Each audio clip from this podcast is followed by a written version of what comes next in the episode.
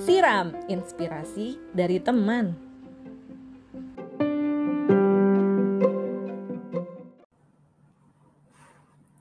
Halo Dimas. Hai Sevi, apa kabar? Hai Dim, baik-baik. Apa kabar Dim? Baik, baik, baik, baik. Alhamdulillah. Alhamdulillah. Kita udah berapa purnama ya Dim? Gak ketemu nih kayaknya. Uh, kayak almost a year ya. Almost a year. almost a year, bener, bener. Yeah. Yes, gitu. karena waktu iya waktu lu masuk Lazada itu kan lu generasi COVID ya, Dim ya, kebetulan ya. yeah. I have a very minimum exposure to the real people that is in Lazada. Lazada yeah. ini gue sangat sedikit exposure. Hmm. Mm -hmm. Dan waktu itu pun gue lagi di Malang kan, di kampung halaman gitu kan. Jadi yeah. uh, bener-bener komunikasi sama Dimas tuh via chat doang, via meeting doang, kayak gitu. Masa-masa yang sangat memisahkan uh, manusia. Yes, benar. Tapi untungnya kita udah mulai mengarah ke endemi ya sekarang ya, Dim nih. Yes, yes, yes. Uh, it, it's good to finally feel uh, a little bit of normalcy ya. Akhirnya mm -hmm. setelah two and yes. a half years, uh, about time lah ya. Cuman yeah uh, tetap semoga tetap semua orang tetap jaga-jaga lah nggak nggak nggak jadi terlalu bebas ya kita still in endemi kan belum iya. selesai yeah. Gitu. Betul, betul sekali. Jadi uh, sebelumnya mungkin aku mau thank you dulu nih untuk Dimas ya, udah bersedia diundang ke podcastnya aku nih, gitu. My pleasure, Dan, my pleasure. Ya, yeah. and then uh, sebenarnya ini aku agak SKSD ya di awal ya. Jadi kan balik lagi, aku sama Dimas kan belum pernah uh, ketemu langsung nih. Jadi kayak ketika gue kontak lewat WhatsApp, gue kayak, Hai Dim, sorry ya tiba-tiba ngechat. Gue ngomong kayak gitu ke Dimas kan. And then dia tapi reply with kayak kehangatan gitu kayak, oh iya Steph gimana kabarnya gitu kan. Jadi gue kayak feel, oh iya iya gitu. Maksudnya Dimas masih inget gue, itu kayak udah oke okay banget lah. Iyalah pastilah, pastilah. Kan kita bekerja bersama dan uh, uh, inilah Lazada tuh sangat membekas di hati. Jadi gue ingat semua yang orang Lazadian yang kerja bareng. Ah, gitu ya. Nice, nice. Dan uh, mungkin di awal ini sebelum kita bicara lebih jauh ya, Dim ya, kita perkenalan dulu kali ya uh, buat teman-teman yang dengerin. Ah, ah. Nah, biasanya aku kenalin dari sisi aku dulu nih, Dim. Jadi uh, aku ketemu sama guestnya di mana sih, and then uh, kayak gimana sih waktu ketemu gitu kan? Uh, apakah lagi di kampus atau maksudnya lagi di uh, dunia pekerjaan atau apa gitu. Yeah. So, yeah, I think I will start ya. Jadi uh, kalau dari gue sendiri ketemu sama Dimas itu waktu di Lazada. Jadi seperti yang tadi gue udah bilang ya, um, ketemunya bener-bener lewat chat and then lewat uh, meeting juga. Jadi semua komunikasi tuh online gitu. Kita nggak pernah yang tatap muka langsung gitu ya. As long as I remember gitu ya. Tapi tadi kata Dimas, kayaknya gue pernah ketemu sama lu deh, Tep. Gitu. Tapi ternyata enggak. Ternyata enggak. Tapi ternyata enggak gitu kan. Uh, so iya, jadi kalau dari sisi gue sih kayak gitu ya. Kalau uh, um, dengan Dimasnya gitu kan. And then waktu itu hubungan kita adalah sebagai uh, satu tim gitu ya, di mana memang Dimas adalah lead of project ya waktu itu, uh, atau kita bilangnya PMO ya, project manager, eh sorry apa kepanjangannya Dim? Project Management Office, jadi yes. manage project management. Ya, uh, uh, ya jadi project management lah ya di di kategori uh, di Lazada which is uh, GM ya General Merchandise. Dan uh, I am part of uh, the GM department. Uh, so waktu itu ya memang banyak bekerja dengan Dimas gitu kan. Apalagi untuk something yang terkait project management kayak gitu. Ya. jadi uh, ya dari uh, kerjasama itu aku juga akhirnya tahu nih Dimas tuh kurang lebih kayak gimana sih? Walaupun tahunya balik lagi ya hanya dari online aja kayak gitu tapi I think it's enough. Akhirnya kayak oh kenal nih Dimas seperti apa kayak gitu. Mungkin itu ya perkenalan dari gue nih Dim. Singkat, padat dan jelas ya. Jadi uh, jujur ini gue agak nervous guys. Mungkin lu kayak teman-teman yang dengerin podcast ini tuh mungkin merasa kok Steffi ngomongnya kayak gini gitu ya. Biasanya kan langsung masuk ke intro gitu kan, langsung ngobrol gimana. Cuman balik lagi ya, gue kayak merasa thank you banget nih ke Dimas udah mau dateng gitu ya, karena posisinya Dimas sekarang nggak main-main nih guys ya di suatu company gitu ya. Mungkin nanti dia bakal cerita. Jadi gue sebenarnya berasa lagi interview nih sekarang. Apalagi nih nyalain kamera nih. Gue diliatin sama Dimas, liatin Dimas. Jadi gue aduh vibe-nya tuh kayak mau interview gitu. Jadi bear with me guys. Mungkin uh, ya udahlah gue coba santai mungkin lah ya ngomong sama Dimas. So I think uh, now it's your turn. Uh, Dim, boleh uh, perkenalan dulu mungkin ya untuk teman-teman yang ngedengerin. Yep, yep. Thanks, Steph. Uh, uh, firstly, um, I'm uh, honored and flattered ya bisa ada di podcast ini ya. Tadi gue sempat share juga kan bahwa uh, for me for one for someone to have a very clear uh, apa ya uh, a very clear mindset dan orang yang sangat persisten bisa ngejalanin sesuatu hal yang mereka mau coba tuh menurut gue that's something yang really really uh, I really really admire ya gue lihat Steffi kan this is gonna be like the 29th or the 30th uh, episode of your podcast gitu ya I mean mm -hmm. keep on hammering the nail uh, yeah. you never know if you never try you never know which what door that what what door that you open kayak gitu-gitu kan. So uh, keep up the good work I guess. Um, thank you. mungkin lanjut uh, bit about myself ya. So mm-hmm. bit about myself um, mungkin one notable thing yang bisa gue share di sini itu mungkin mulai dari uh, kuliah kali ya.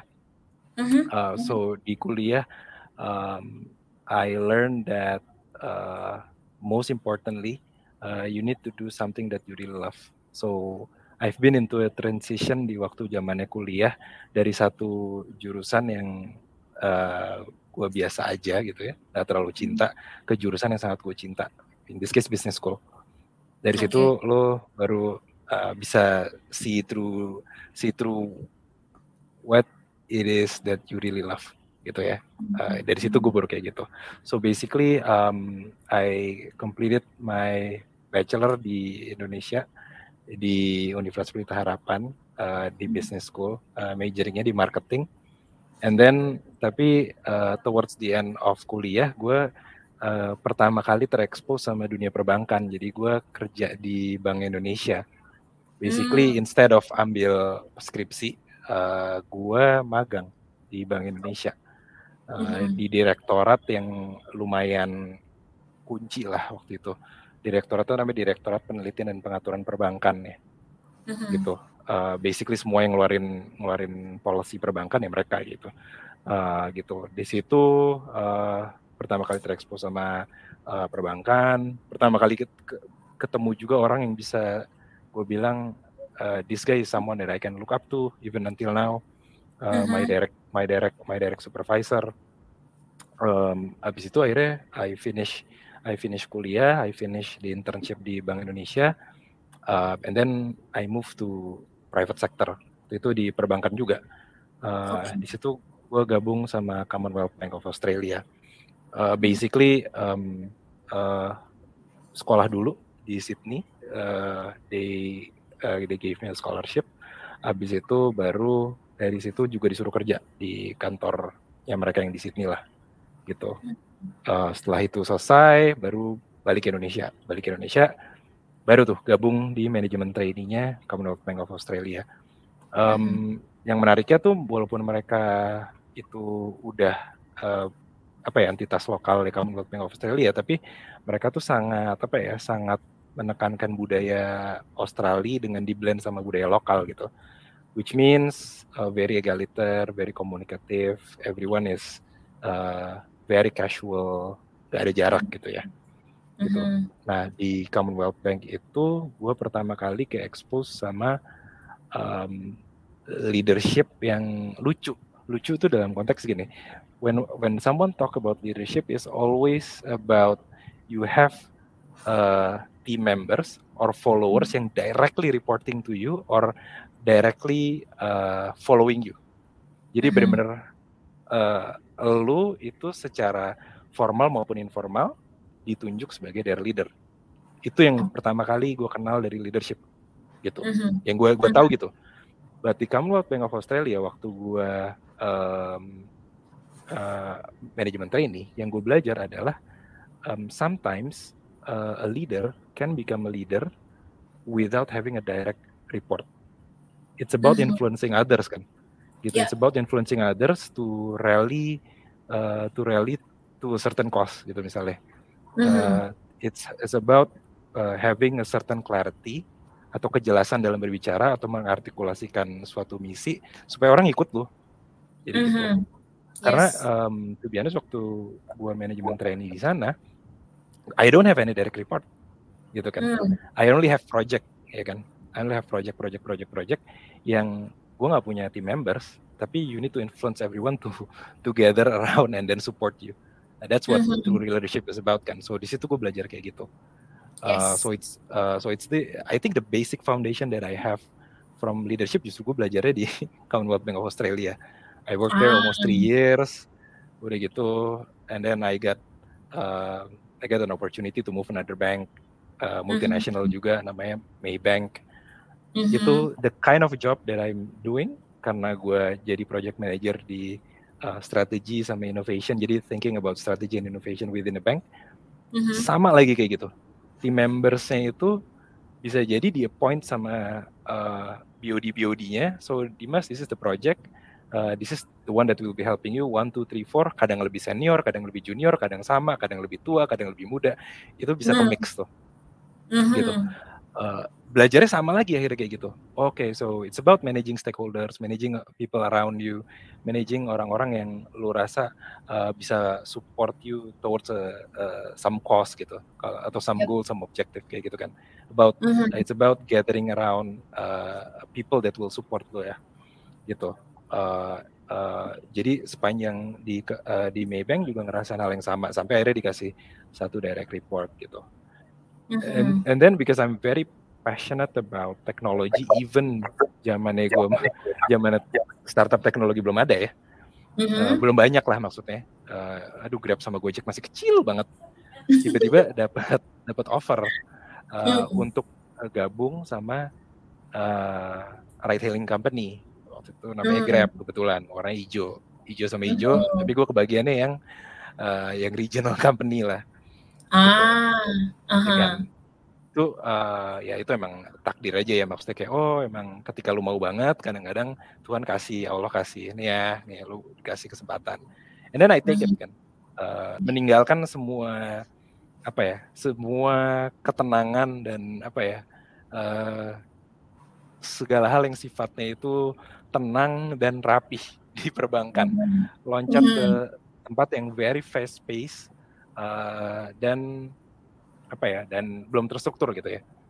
Mm-hmm. Nah akhirnya pindah ke sana, uh, but I have a formal team already in place yang udah bekerja di sana maybe one year plus ya, gitu. Mm-hmm. So basically uh, gue ditempatin di Deputy Managing Director Office, uh, managing uh, Project Management Office plus Business Improvement. So mm-hmm. Ada project management juga, tapi ada business improvement juga. Jadi scope-nya itu gak hanya project management, jadi uh, managing projects yang didim penting sama managing director-nya, sama mm-hmm. uh, managing business proses yang jadi prioritas kayak gitu.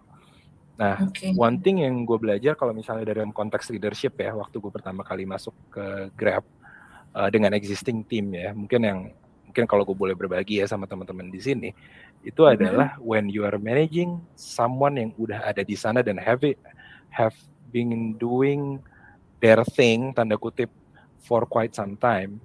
Mm-hmm. First adalah you need to be in their shoes dulu deh.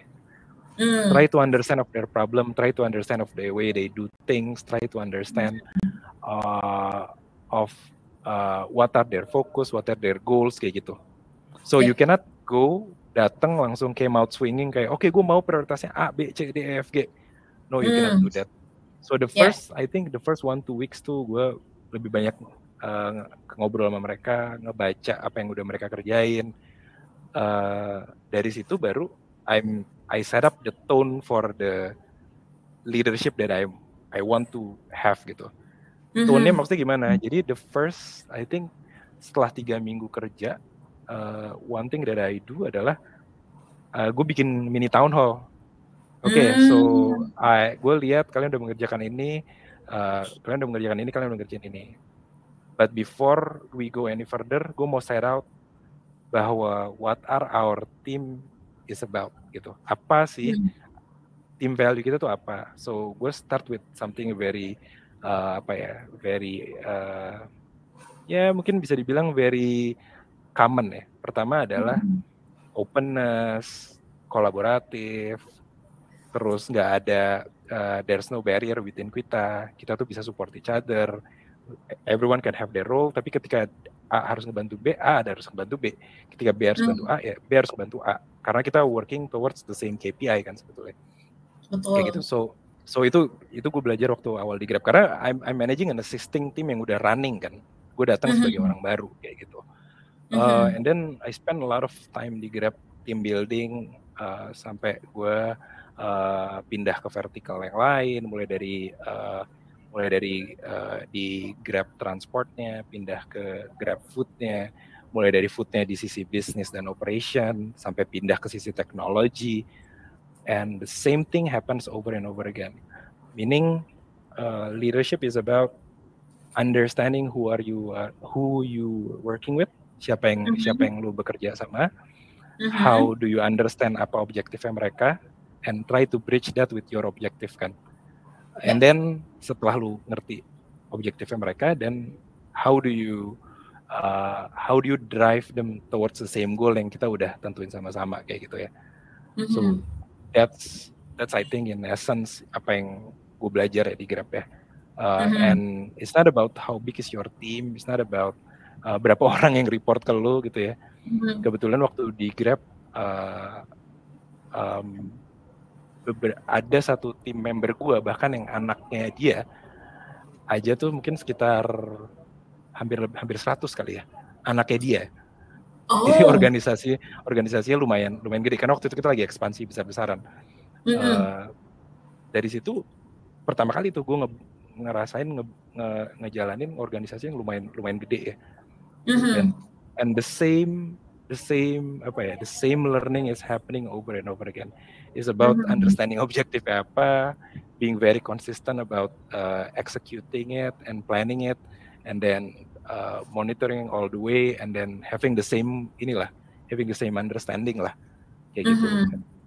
jadi uh, it's uh, it's it's something yang menurut gue sampai sekarang itu a very humbling experience ya waktu gue belajar di Grab sama hmm. very apa ya um, very eye opening kali ya.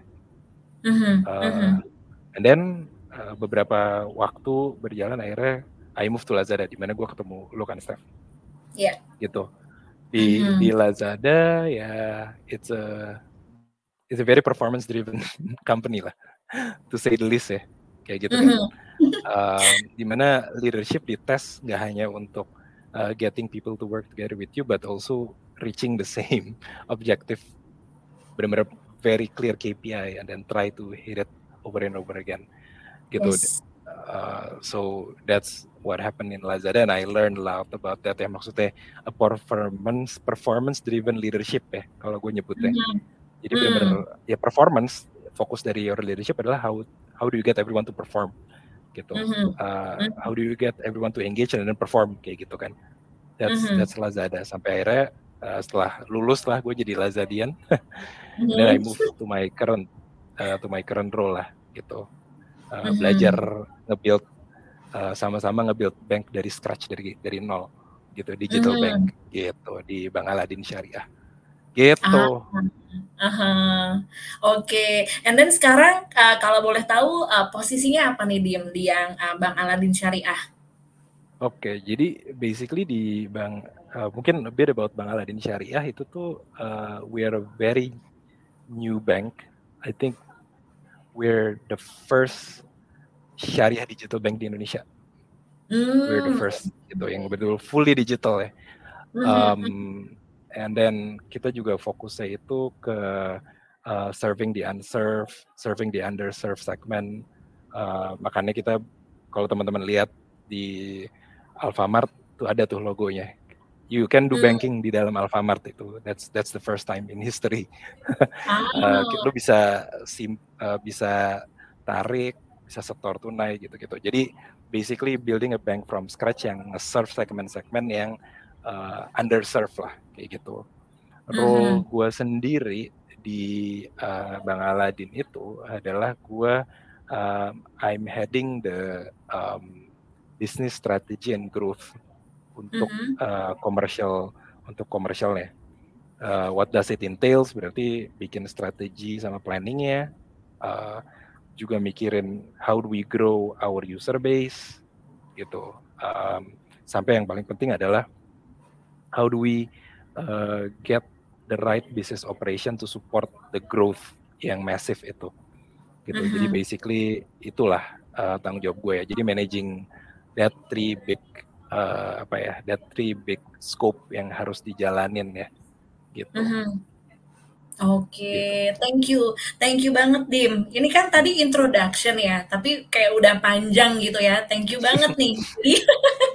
Di, dijelasin secara detail sebenarnya Dim. Jadi kayak tadi uh, udah kesebut juga ya uh, tentang leadership sebenarnya. Jadi uh, kenapa sih uh, aku mengundang Dimas nih ke dalam uh, podcast ini ya? Karena memang aku nilai leadershipnya Dimas ini sangat amat baik nih, bagus banget gitu teman-teman ya. Siapalah aku dalam menilai gitu kan ya. Tapi uh, ketika bekerja di Lazada, uh, working together with Dimas, I can feel gitu loh kalau uh, nih orang punya leadership yang bagus gitu loh. Kenapa? Karena begitu uh, Dimas join ke uh, departemen GM ya kala itu mungkin I can say that uh, waktu itu kita a bit everywhere gitu ya bukan berarti nggak bagus gitu kondisinya. Tapi uh, uh, you know tadi Dimas juga mention bahwa Lazada itu sangat performance driven ya untuk leadershipnya. Jadi kayak sometimes ketika memang nggak ada arahan yang jelas atau nggak ada KPI yang kayak bener-bener clear gitu ya.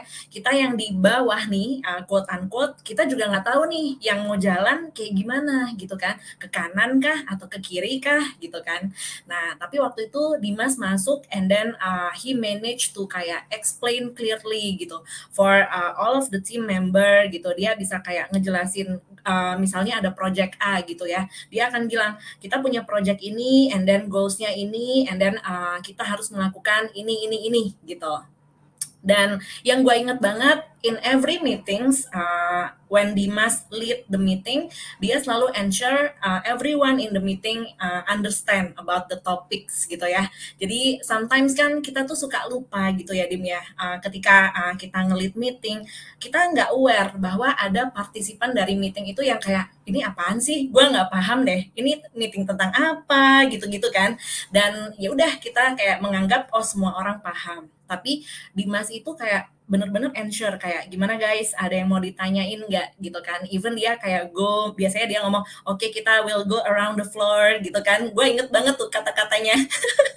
Jadi dia cekin satu-satu ini gimana nih? Kalau dari si A si B si C. Gitu kan. Jadi yeah. kayak berkesan sih itu berkesan bagi gue dan uh, begitu Dimas uh, uh, itu tadi meninggalkan Lazada lah ya. Dan uh, kebetulan kita juga nggak sempat ketemu face to face di situ gue juga merasa sedih kayak ya Dimas keluar nih gitu kan. Jadi uh, jadinya uh, aku dan teman-teman kehilangan lah kayak sosok uh, leadership dari uh, Dimas itu tadi ya gitu loh jadi that's why mungkin ini adalah salah satu cara bernostalgia ya Dim ya Dan kali ini cakupannya bukan kita doang, tapi uh, kita bahas ini di dalam podcast sehingga lebih banyak orang lagi yang bisa mendengarkan dan juga belajar gitu ya dari uh, seorang Dimas gitu kan. Nah, uh, dan kembali lagi tadi ke topiknya yaitu leadership. Jadi memang uh, tema dari episode kali ini adalah leadership 101.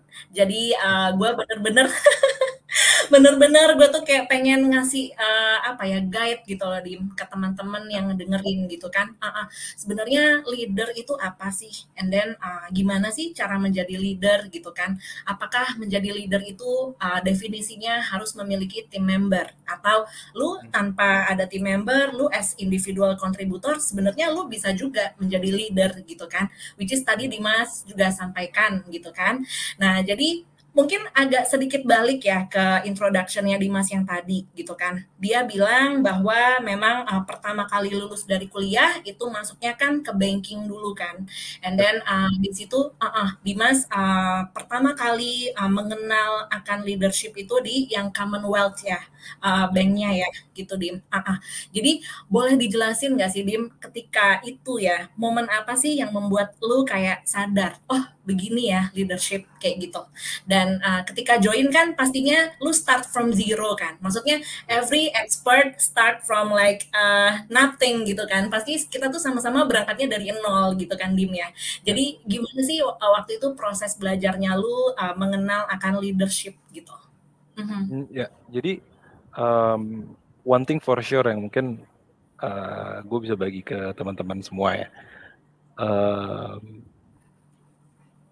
gak ada kata atau gue nggak percaya sama uh, you need to be ready first and then you become a leader itu gue nggak percaya sama sekali gue nggak percaya okay. uh, jadi jadi it's it's all about the process ya maksudnya mm-hmm. lu berproses dulu sampai akhirnya lu kayak naik anak tangga gitu naik tangga anak tangga satu tangga dua tangga tiga terus terus terus terus terus jadi mm-hmm. uh, buat teman-teman jangan pernah ngerasa bahwa oh kalau gue belum kerja X tahun, gue belum siap jadi leader.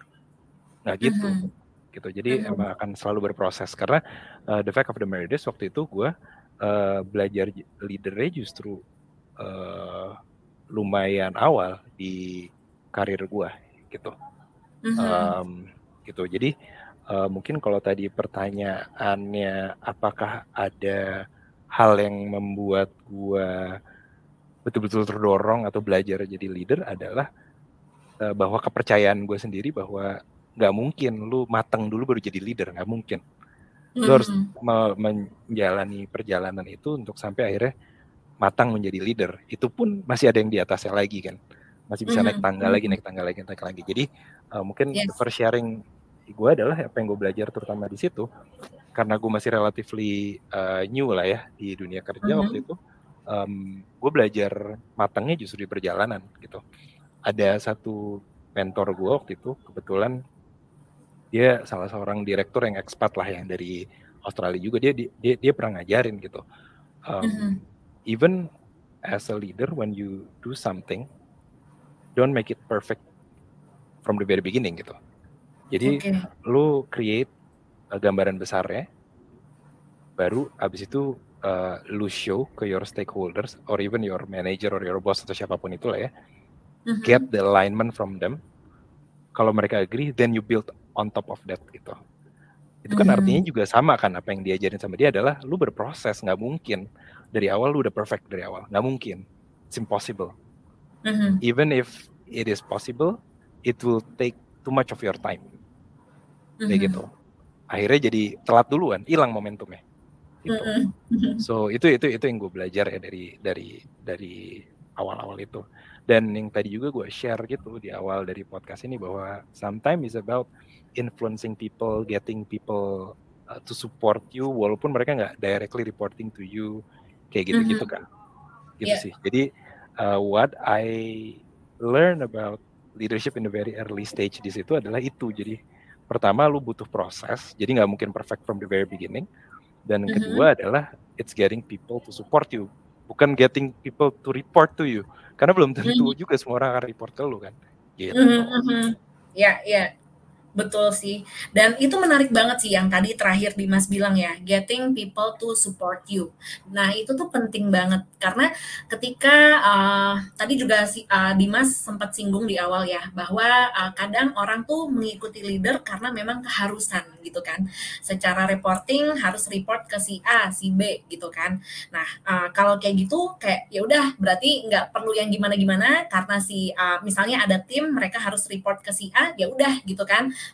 uh, memang harus dijalani gitu kan. Tapi gimana caranya membuat tim itu yang tadinya mengikuti si A karena keharusan lama kelamaan dia akan menjadi supporting itu tadi gitulah. Dan itu uh, agak itu kan agak gimana ya perjalanannya nggak bisa instan ya gitu. Uh, akan ada banyak step di dalamnya. Tadi Dimas juga bilang ada uh, value-nya dulu gitu kan kayak tim value-nya apa sih gitu.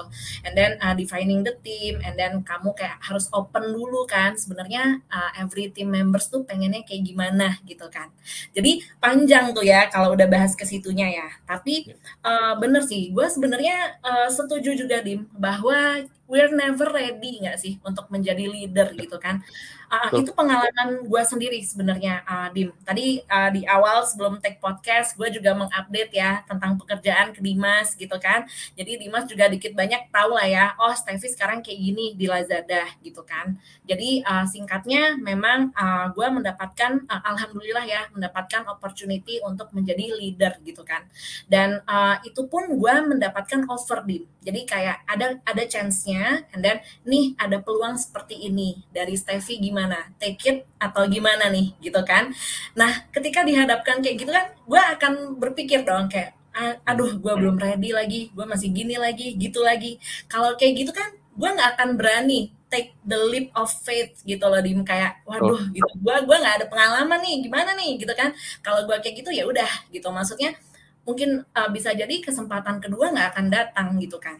But uh, aku juga kayak apa ya waktu itu kayak sedikit kayak wah ya udah bagus lah uh, waktu itu gue kayak memberanikan diri kayak oke okay, I will take uh, uh, the opportunity kayak gitu kan. Jadi itu pun ketika gue menjadi leader itu gue belajarnya banyak banget gitu kan. Maksudnya pasti di awal ada jet lagnya dulu dong kayak dari individual kontributor menjadi leader gitu kan. Banyak yang harus di adjust banyak yang harus di uh, apa ya kita banyak melakukan adaptasi juga gitu kan. Nah di situ yang tadi Dimas bilang mungkin kayak uh, tangganya ya kayak uh, stepsnya gitu kan. Jadi uh, susahnya tuh biasanya di situ tuh di awal-awal gitu ya Dim ya. Jadi prakteknya gitu kan. Nah mungkin uh, kalau ditarik lagi ke pengalamannya Dimas nih waktu itu oke okay nih uh, dapat kan ada mentor kemudian uh, kesempatan pertama untuk jadi leadernya Dimas tuh kapan sih sebenarnya oh waktu momennya kayak gimana gitu kala itu Dim oke okay. uh, jadi kalau ngomong kesempatan yang benar-benar kalau tadi kan yang informal ya. ya. Informal yeah. tuh maksudnya um, kita tidak hadapkan pada situasi yang tanda kutip ya leaderless. Mm-hmm. Terus dari gitu mm-hmm. you need to break through. Terus dari gitu uh, mencoba menjadi leader di situasi itu. Gitu. Mm-hmm. Nah mungkin kalau misalnya yang betul-betul anda kutip real situation di mana gue udah harus benar-benar ngelit secara formally itu mungkin terjadi waktu gue di uh, Maybank ya. Jadi okay. waktu gue di Maybank yang terjadi adalah kita dikasih uh, project yang lumayan gede, uh, namanya Maybank Bali Marathon ya, di mana gue hmm. jadi co, co project manajernya gitu. Uh, co project manager berdua sama uh, kebetulan waktu itu uh, manajer gue yang juga one of my best friend lah sampai sekarang gitu ya. So hmm. basically kita bagi scope tuh, uh, dia belum ngerjain ini, ini ngerjain ini karena gue ngerjain uh, scope yang A uh, dikasihlah satu team member di situ yang lumayan junior lah dia di situ mm-hmm. gitu dan di situ baru tuh mulai ngerasain uh, betul-betul ada team member yang benar-benar nanya ke lu eh what should I do what kind of directive mm-hmm. kayak gitu-gitu ya di mm-hmm. situ um, gue belajar satu satu uh, value leadership yang menurut gue seberapa besar pun nanti organisasi lu, seberapa kecil pun organisasi lu yang masih gue pegang sampai sekarang gitu. Jadi it's leadership is about cre uh, creating clarity. Mm -hmm. Uh, which itu gue juga belajar bahwa itu di Grab, bahwa di Lazada sampai ke Aladdin tempat gue kerja sekarang. Jadi about uh, creating clarity. Clarity itu artinya apa? Clarity of the objective, clarity of the how do we do things, and the structure of doing things gitu jadi mm-hmm. clarity dulu nih karena uh, leader should provide clarity dulu buat team membersnya atau followersnya atau siapa pun itulah mm-hmm. karena tanpa membuat clarity team members lu juga mau ngikutin lu juga bingung. Sebenarnya objektifnya apa ya? Kalau ada pertanyaan mm-hmm. objektifnya apa ya? Then you don't make enough clarity kan? Clarity nggak mm -hmm. jelas makanya dia sampai nanya nih objektifnya apa? Gitu. Yeah, yeah. jadi itu gue belajar from lumayan lumayan lumayan kaget tuh kayak oh iya ya kayak gitu. Apalagi uh, waktu yang acara Maybank Bali Marathon itu kan acara yang didatengin puluhan ribu orang ya gitu. Mm -hmm. jadi if you don't enough create enough clarity uh, orang-orang yang membantu lo secara operasional nggak ngerti nggak akan ngerti mereka harus ngapain dan baru tuh mulai ada yang ke kanan ada yang kiri ada yang ke belakang ada yang ke depan padahal kan lo maunya semuanya maju dong iya iya gitu. betul jadi about creating clarity sih gitu tapi hmm. my first formal experience untuk ngelit mungkin ya di Maybank itu waktu mm-hmm. Maybank Bali Marathon ya gitu. Mm-hmm. Oke, jadi waktu di Maybank ya, Dim ya, dan uh, kebetulan langsung handle-nya project itu tadi ya, maraton gitu kan. Iya. Jadi, yeah.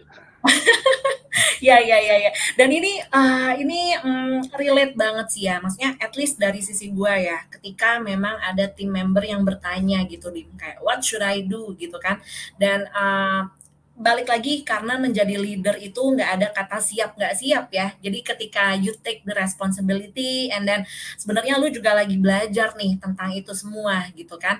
Tapi tiba-tiba ada yang nanya nih, uh, kak atau mas atau mbak, gue harus ngapain nih gitu kan. Nah di situ uh, kita juga harus bisa menjawab kan gitu kan, Dim ya. Dan uh, waktu itu apa sih yang Dimas lakukan? Karena mungkin posisinya di Maybank juga, gue nggak tahu nih, uh, waktu megang project tuh memang masih baru atau udah di pertengahan atau apa gitu kan. Jadi gue rasa ini pasti semua new leader tuh bisa relate ya, ketika mereka ditanyakan sesuatu, tapi mereka pun sebenarnya unsure gitu loh, bukan totally nggak tahu, tapi, duh gimana ya, ntar kalau gue jawab ini kayak gini lagi, kalau gue jawab ini begini gitu, mana nanti tim member gue ngikutin, kayak istilahnya leader itu kan driving the team kan. Lo mau ke kanan, mau ke kiri, itu tim akan ngikut gitu loh. So, how do we choose uh, the correct answer or maybe kayak uh, arah yang benar lah at least gitu, Dim? Hmm. Uh, kalau menurut pendapat gue, kalau boleh share ke teman-teman yang di sini, itu balik lagi ke yang paling awal tadi uh, kita bahas kan ya, which in this case uh, clarity-nya itu tuh harus harus uh, dibuat dulu. Mm-hmm. Kalau misalnya kalau boleh share ya ada boleh tiga dong, hal yang yang harus yang harus dijawab. Kalau misalnya lu gue nanya, I need to get mm. clarity about X gitu. Ada tiga hal yang harus dijawab. Apa Pertama kon konteksnya apa? Oke. Okay? Oke. Okay. Konteksnya apa? Kayak misalnya kalau misalnya gue ambil contoh uh, suatu bisnis gitu ya. Konteksnya adalah um, permasalahannya apa, and then impactnya apa mm-hmm. konteks tuh itu yang harus dijawab pertama clarity mm-hmm. is about understanding the konteksnya apa yeah. habis you understand the konteks apa then you what you need to know the objective setelah mm-hmm. saya memahami konteks A mm-hmm. uh, dan objektif saya setelah memahami konteks ini adalah saya harus melakukan A B C D E F gitu mm-hmm. Mm-hmm. untuk untuk menjawab pertanyaan yang ada di konteks itu kan. Setelah udah paham objektif ya, dan ini yang mungkin kadang-kadang orang suka lupa ya. Untuk menjadi sangat terbuka sama what kind of support that you need. Kayak gitu. Mm-hmm. Jadi clarity is about creating three, apa creating and understanding three three points itu. Pertama mm-hmm. uh, adalah memahami konteks, kedua memahami objektifnya apa, and then mm-hmm. getting the right support untuk menyelesaikan atau mencapai objektif lo itu kayak okay. gitu jadi mm-hmm. I think tiga hal itu harus selalu sebagai leader harus selalu dipahami sebelum lo melakukan sesuatu whatever it is seberapa mm-hmm. besar pun proyeknya seberapa kecil seberapa lebar seberapa kompleks itu ujung-ujungnya cuma tiga itu kalau di pandangan saya ya at mm-hmm. least dalam proses belajar saya mungkin nanti gue akan belajar lagi yang lain ya mungkin akan nambah hmm. ada poin keempat cuman biasanya nggak jauh-jauh dari itu tuh gitu hmm. gitu okay. untuk create clarity gitu mm-hmm. oke okay. so creating clarity is very important gitu ya Dim ya. Dan uh, untuk mendapatkan clarity ternyata itu tadi tips dari Dimas kita ada uh, bahasnya tiga gitu kan. Uh, yang pertama konteksnya apa uh, atau permasalahannya apa, and then yang kedua objektifnya apa, dan yang ketiga kayak supportnya apa sih sebenarnya yang dibutuhkan gitu ya Dim ya. Ya, Oke. Okay. Mm -mm. Nah ini mungkin teman-teman yang dengerin juga udah lagi pada nyatet nih Dim ya. Semoga. Mereka udah nulis nih, oke okay, satu konteks, dua objektif gitu kan. Jadi uh, anggap aja nih kayak kuliah online lah ya guys ya. Atau kayak atau kayak webinar gitu kan. Karena balik lagi hmm, gue pun merasa kali ini bintang tamunya sebenarnya bintang tamu sebelumnya juga keren-keren ya. Makanya gue juga invite gitu kan. Mereka sangat-sangat inspiratif gitu dim. Tapi mungkin karena ini konteksnya lebih serius ya tentang leadership gitu kan. Makanya mungkin kayak jatuhnya kayak ini kuliah online atau webinar gitu ya gak ketiduran deh. Enggak lah, ini menarik banget nih. And then uh, mungkin ini next question gitu ya Dim ya. Oke, kita udah udah tahu nih ya uh, step pertama creating clarity gitu kan. And then uh, tadi Dimas sempat sebut tentang tone gitu kan. How do we set the tone for the team gitu kan. Apalagi knowing kalau uh, di tim itu ada yang udah senior, ada yang udah lama banget di bidang itu gitu kan. Dan ketika lu datang di sana mengisi posisi leader, sometimes mungkin mereka agak skeptis kan kayak siapa lu gitu kan. Baru juga datang udah nyuruh-nyuruh gua gitu kan. Nah, jadi gimana sih meng menghadapi hal itu juga gitu Dim. Uh, how do we set the tone for the team gitu kan. Dan ditambah lagi uh, selain dari sisi experience-nya, kadang kan karakter orang tuh beda-beda ya Dim ya. Ada yang tipikalnya suka dikasih guidance yang jelas. Jadi misalnya ke gua, Steffi, kamu harus melakukan A, and then B, and then C. Ada juga tim lain, eh sorry tim member lain maksudnya yang kayak ya udah sih maksudnya lu set aja goalsnya apa biar gua yang kreatif nih gua yang berpikir gitu loh jadi how do we kayak embrace all of those team members and then uh, setting up the tone gitu dim ya ya jadi um, when setting up a tone uh, uh, tapi ini mungkin can vary from one leader to another ya Mm-hmm. ada apa ya ada tiga value leadership kali ya yang along the way uh, sepanjang berapa ya mungkin 11 12 tahun gue kerja uh, mm-hmm. itu gue belajar ya tiga value leadership yang kayaknya kalau gue bawa dari awal gue kerja sampai sekarang tuh oh kok masih relevan ya oh berarti ini kali ya mm. the way I see things how leader should mm-hmm. act, mm-hmm. act gitu ya kalau yeah. tadi kan clarity kan adalah uh, gimana gimana suatu leader bisa ngedeliver value gitu ya kalau yang tadi clarity itu kan Cuman Betul. mungkin kalau value leadership gua mungkin dalam case yang mungkin bisa relevan dengan pertanyaan tadi gitu ya. Mm-hmm. Itu adalah pertama leader itu kalau menghadapi banyak orang gitu ya. Itu mm-hmm. ada satu yang lu nggak boleh nggak boleh nggak lakuin sebagai leader. Pertama lu harus komunikatif. Oke. Okay. Lu harus komunikatif. Lu nggak bisa mm-hmm. um, kalau kayak di film-film tuh uh, diem aja terus berharap orangnya ngerti. There's hmm. no way that is happening. Gak yeah, mungkin. Yeah. Kayak lu baca uh-huh. pikiran gue. I mean, orang yang udah nikah puluhan tahun aja belum tentu bisa kan baca pikirannya kan. So mm-hmm. basically the first one menurut gue value-nya uh, apa pun levelnya lu, lu harus mm-hmm. komunikatif uh-huh. as a leader. Uh, uh-huh. Which is why kalau misalnya um, uh, gue selalu beranggapan menjadi komunikatif artinya juga mengkomunikasikan apa yang mau gue sampaikan dan mereka bisa mengkomunikasikan balik kan. Berarti hmm. artinya lu harus bisa create forumnya tuh untuk mereka berkomunikasi as a leader gitu ya. Jadi first one komunikatif. Kalau nggak komunikatif, I'm not saying you will fail, but uh, the chance of success is lower menurut pandangan hmm. pribadi gue. Kalau lu nggak komunikatif, which is okay. why company mulai dari besar, gede, organisasi besar, kecil, non profit, for profit, uh, di dalam di dalam negeri di luar negeri uh, mm-hmm. Apa pun negaranya they always have town hall kan karena yeah. itu adalah waktu di mana leader mereka bisa mengkomunikasi gitu mm-hmm. first one for me the value for leader adalah harus komunikatif mm-hmm. oke okay? yeah. Kom- komunikatif uh, itu kunci yang kedua uh, leader tuh menurut gue harus I hope the term is the terminology benar ya. Cuman kalau hmm. pandangan gue, leader itu harus thoughtful, thoughtful. Okay. Tapi dalam konteksnya itu tuh dia leader yang berpikir. Jadi nggak semua dikit-dikit intuisi, intuisi, intuisi. Intuisi penting as a leader, betul. Mm-hmm. Tapi mm-hmm. sebetulnya intuisi itu berdasarkan dari pemikiran yang jelas. Mm. Makanya one thing yang gue sangat admire dari belajar dari Lazada adalah semuanya di Lazada leader-leadernya itu uh, leadership yang thoughtful, yang dipikirin. Kalau melakukan suatu strategi itu berdasarkan data yang jelas, berdasarkan mm-hmm. log log logic yang kuat dan mm-hmm. dipikirin gitu. Which mm-hmm. is why menurut pandangan gua, walaupun suatu leader itu can be a generalist, tapi pasti dia punya satu technical skill skill yang sangat kuat. Mm-hmm.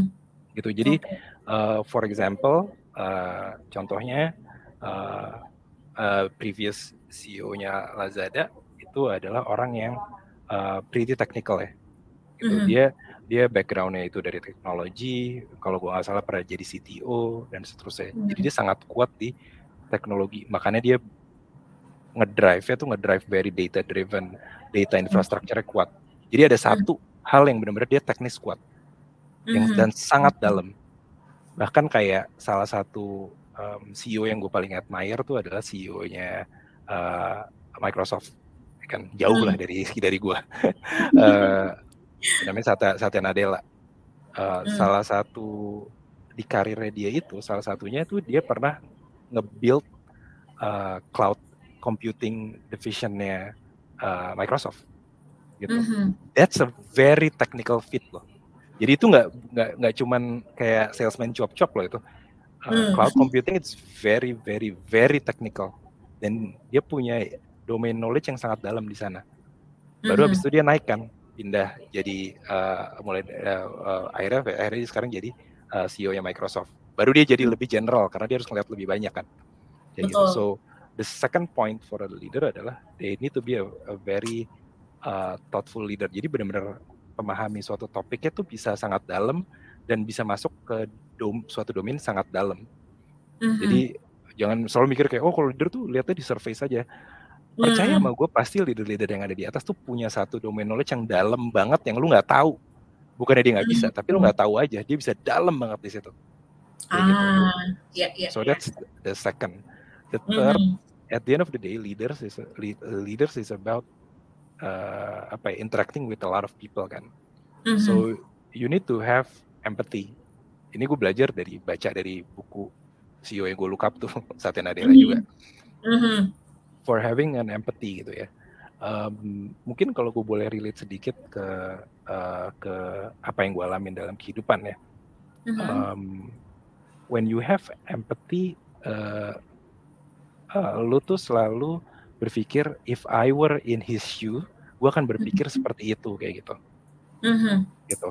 Dan okay. ini gue jujur gue belajar dari uh, uh, selain baca dari buku itu ya, gue belajar dari uh, almarhum anak gue, gitu. Ah. Jadi gue selalu gue selalu gue selalu ngelihat kalau gue ada di posisi dia, kira-kira dia merasakan apa ya? Dari mm-hmm. situ lu jadi bisa menyelam, menyelami kan kayak oh kalau gue ada di posisi dia, gue akan merasa seperti ini nih. Mm-hmm. Dari situ nanti act lo akan beda tuh, cara yeah. lo berperilaku sama orang. Relevansinya misalnya gimana nih kalau misalnya ke kehidupan kerja sehari-hari.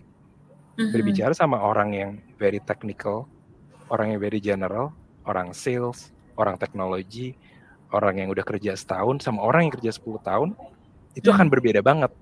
Which is mm-hmm. why lo harus mencoba ada di his atau her shoes kan yeah. berempati gitu sama dia. Oke, okay, kalau gue udah kerja 10 tahun dan bekerja di bidang teknologi, kira-kira bahasa apa sih yang akan resonate sama dia? Mm-hmm. gitu.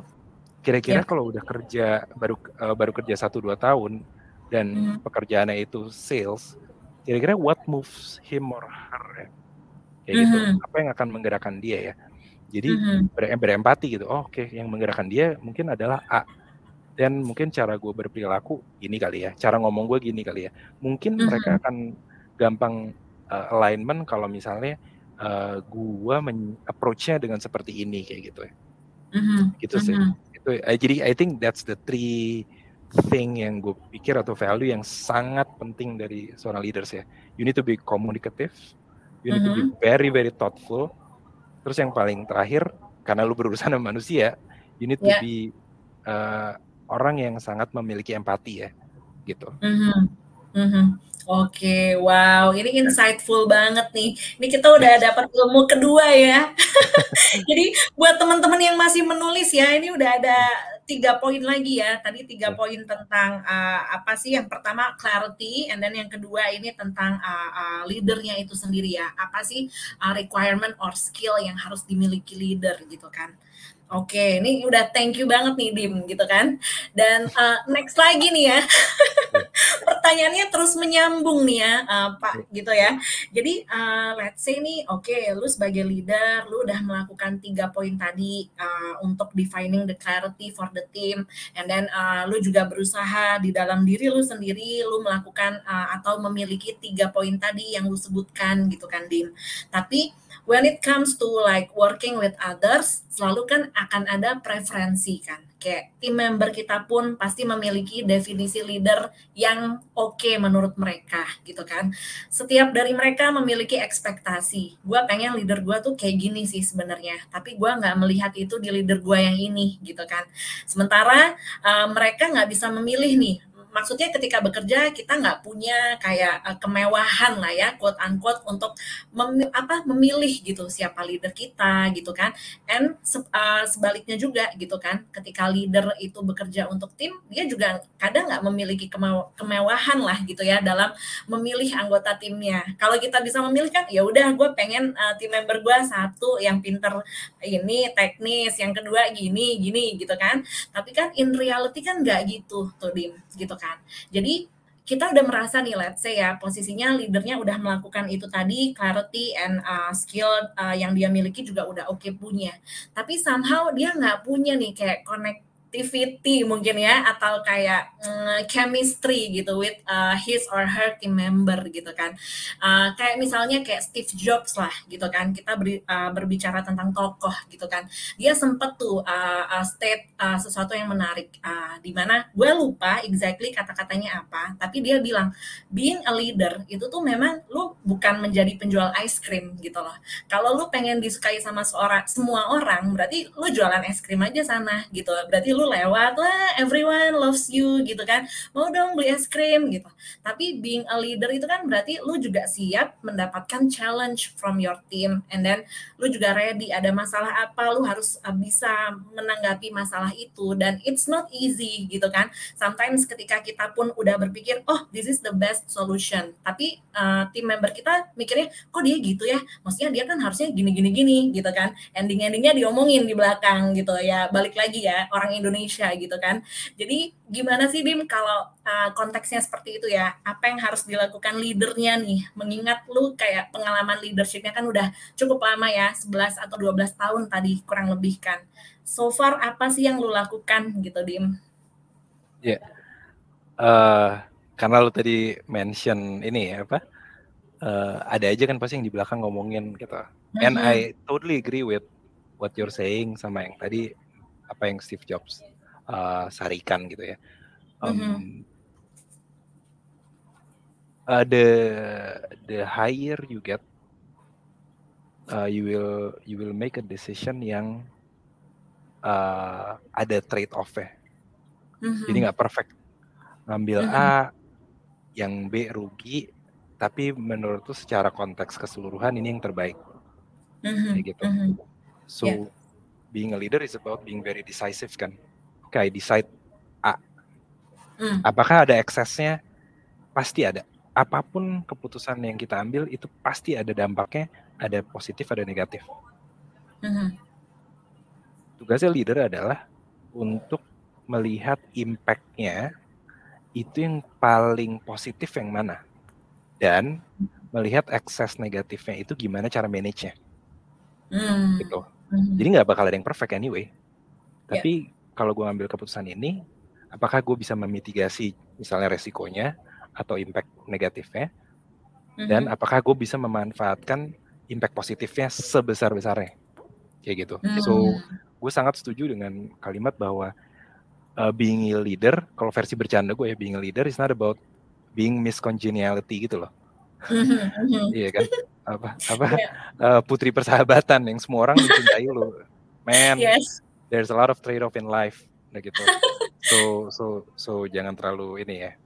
Yang menarik mm. juga yang tadi dimention sama lu Steph adalah kan suka ada tuh diem yang ngomongin di belakang. Nah, kebetulan pas banget kayak mid year tahun ini gue ngobrol sama salah satu, salah satu mentor gue yang gue very very look up tuh. Kebetulan dia sekarang mm jadi salah satu senior eksekutif di satu uh, bank yang gede banget gitu. Gue belajar, okay. gue datang ke kantor dia. Terus dia ngajarin gue satu ini nih. Ini kalimat menarik deh. Mm. Kalau ada kalau ada orang ngomongin saya di belakang, artinya -hmm. saya itu di depan, makanya dia ngomongin di belakang. -hmm. gitu. Jadi yeah. that mindset as a leader kan membuat lu berpikir bahwa uh, nggak semua orang harus mencintai lu, tapi uh, lu menjalankan mandat yang udah diberikan ke lu secara mm-hmm. sebaik-baiknya. Mm-hmm. Sebaik-baiknya tadi yang gue bilang kan bahwa gimana cara memaksimalisasi impact positif ya dan mm-hmm. memitigasi atau memanage impact negatifnya karena semua itu trade off nggak mungkin nggak mungkin mm. menang apa uh, apa winner takes all tuh nggak ada gitu. you win some yeah, you lose yeah, some yeah. pasti itu udah, nah. udah udah pasti kayak gitu yes, gitu ya yes. Mm-hmm. jadi um, I think uh, mungkin having that understanding kali ya itu uh, membuat lu uh, berani ngambil keputusan-keputusan yang mungkin nggak terlalu populer ya uh, mm-hmm. mengambil keputusan-keputusan yang terbaik berdasarkan konteks di saat itu walaupun mm-hmm. mungkin ada uh, dampak negatif ya kayak gitu dan don't be afraid mm-hmm. to become unpopular nah kalau misalnya balik ke pertanyaan lu tadi Steph um, mm-hmm. gimana uh, bisa apa ya kalau tadi kan lu nyebutnya memanfaatkan uh, dengan situasi yang nggak perfect itu uh, mengambil apa namanya uh, uh, uh, memanfaatkan memanfaatkan semua resource yang lu punya apakah itu orang yang orang yang nggak mendukung lu orang yang yeah. apa namanya orang yang nggak satu agenda sama lu ada mm -hmm. ada kalau kalau gue memandangnya selalu ada ada dua nih Uh, pertama tuh? lu jelasin dulu objektifnya. Objektifnya mm -hmm. adalah ini, impact-nya mm -hmm. ke lu adalah ini dan ini akan membantu lu karena ini membantu KPI lu. Jadi lu harus jelasin dulu nih objektifnya ini uh, apa yang mau kita solve adalah ini. KPI yang akan terdampak adalah ini. KPI itu bisa macam-macam ya, maksudnya uh, bahkan kalau lu entrepreneur juga kan lu pasti punya KPI kan, semua harus diukur kan. Gitu. Betul. Uh, nggak cuma orang kantor gitu takutnya nih nanti kalau ada orang yang dengerin kayak wah oh, KPI kan gue bisnis sendiri. Ya lu ada KPI sales itu kan KPI ya, kayak, iya. kayak, kayak gitu ya. Jadi mungkin uh, setelah lu menjelaskan gitu lu harus jelasin dulu nih pertama. Objektifnya mm. adalah ini mm-hmm. uh, terus KPI yang mau diberikan adalah ini. Dampaknya kalau lu adalah ini. Pasti ada dampak positif ya kalau lu mm-hmm. try to get alignment yang mendapatkan uh, masukan dari semua orang gitu kan ya. Mm-hmm. dan uh, lu coba uh, get get them atau get him get her in line untuk nge-support tuh gue butuh support tuh ini mm-hmm. uh, pertama try to sampaikan itu and then try to negotiate try to uh, find a common ground dulu tuh mm-hmm. ja, jalan tengahnya ini nih let's get an alignment mm-hmm. uh, when push come to shove ternyata nggak ketemu then it's about executing it dengan bantuan orang sebanyak-banyaknya mm-hmm. agar akhirnya dia pun jadi sadar bahwa I think everyone is helping helping him in doing this, helping her in doing this. I'll support mm-hmm. him. Kayak gitu. Mm-hmm. Jadi uh, it's about uh, trying to get everyone to rally to same cause kan. Balik lagi ke poin yang yang awal banget gue jelasin bahwa kalau objektifnya clear, objektifnya mm-hmm. bagus, pasti orang akan ngikut juga gitu loh. Gitu. Mm-hmm gitu. Okay. Very very mission mission driven ya kalau bahasanya ya. Ya. Gitu. Mm -hmm. Oke, jadi mungkin kalau direkap sedikit berarti ketika leader itu memilih atau memutuskan sesuatu gitu ya Dim ya, memang ada trade off gitu kan yang terjadi ya. Maksudnya kita nggak bisa kayak wah this is the perfect this, uh, decision gitu, nggak bisa bilang kayak gitu.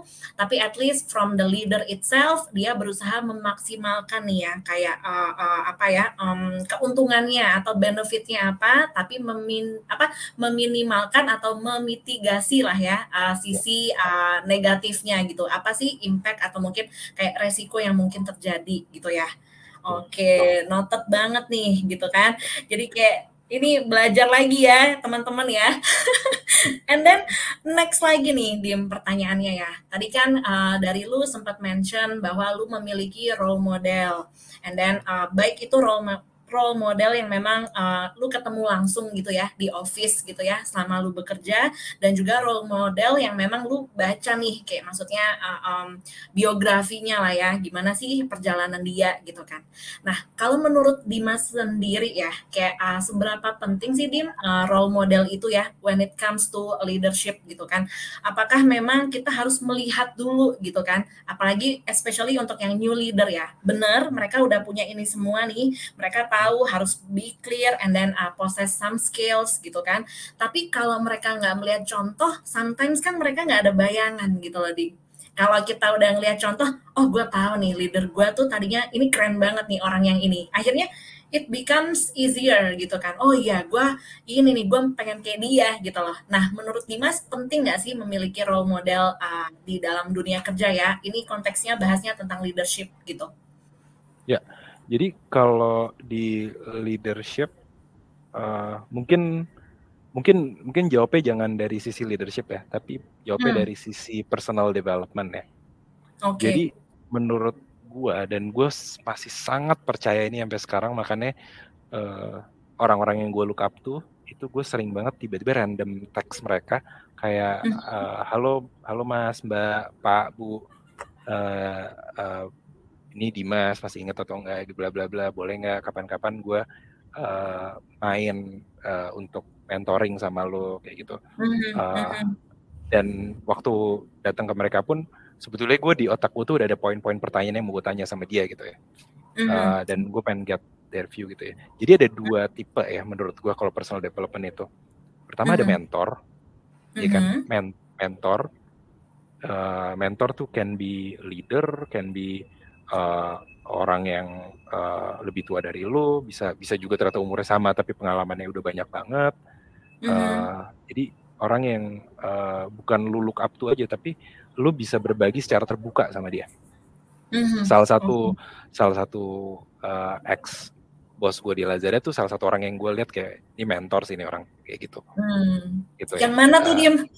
Gue yang lebih baik yang lebih baik yang dimention, lebih baik yang dimention. Nanti nanti kabarin gue ya dim. gitu. Uh, yeah, yeah. Cuman uh, I keep contact with mentor-mentor gue yang dari dari dari apa namanya dari awal banget gue karir gitu ya sering masih sering ngobrol.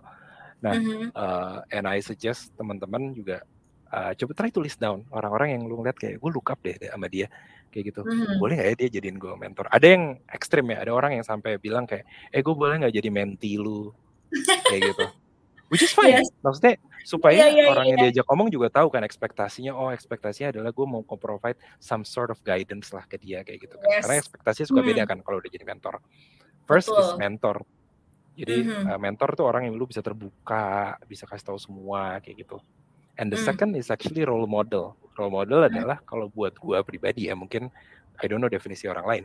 Uh, kalau buat mm. gue pribadi role model adalah orang yang lu pengen memiliki salah satu quality yang dia punya. Mm-hmm. That's okay. that's about role model kan kadang-kadang kayak gitu. Oke. Okay. So mm. kalau misalnya bicara role model, betul kayak lu bilang tadi Steph, role model tuh bisa yang lu sentuh atau maksudnya mm-hmm. orang di depan mata lu mm-hmm. atau bisa juga orang yang sangat jauh dari lu cuman lu ngelihat kayak gila nih value-nya gue resonates banget sama uh, ini dia ya jadi mm-hmm. kalau pandangan gue uh, both mentor sama role model itu sama pentingnya mm-hmm. bedanya kalau mentor itu seseorang yang lu bisa sebisa mungkin bisa lu reach mm-hmm. kapan mm-hmm. aja gitu ya karena there will yeah. be a time yang lu ada di persimpangan-persimpangan yang lu butuh pendapat juga dari your mentor gitu and mm -hmm. always uh, always try to find a mentor mm. lebih dari satu karena yeah. ketika ah, dia nggak bisa di reach gue bisa reach mm -hmm. yang ini ketika dia nggak bisa reach gue bisa reach yang ini or kalau yes. misalnya oh dia ternyata nggak bisa terlalu personal ya oh gue masuk kayak mm -hmm. ini kayak gitu uh-huh. so yes. so that's mentor yang kedua nggak yang important nggak hanya punya mentor tapi juga punya role model role model mm -hmm. kata kuncinya apa untuk lu nemuin role model value-nya kalau value Mhm. leadership lu percaya, jadiin dia role model. Karena Mmm. beda-beda loh. Role Iya. model juga leader tuh beda-beda loh. Uh, kalau misalnya kita ingat Perang Dunia II, yang ada Mhm. kumisnya di sebelah yang ada kumisnya itu, yang dari Jerman itu leader loh. iya.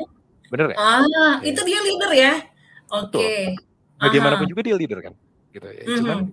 apakah, eee, lu share the same value sama mereka? Belum tentu. Kayak iya, gitu. betul. Gitu. Mhm.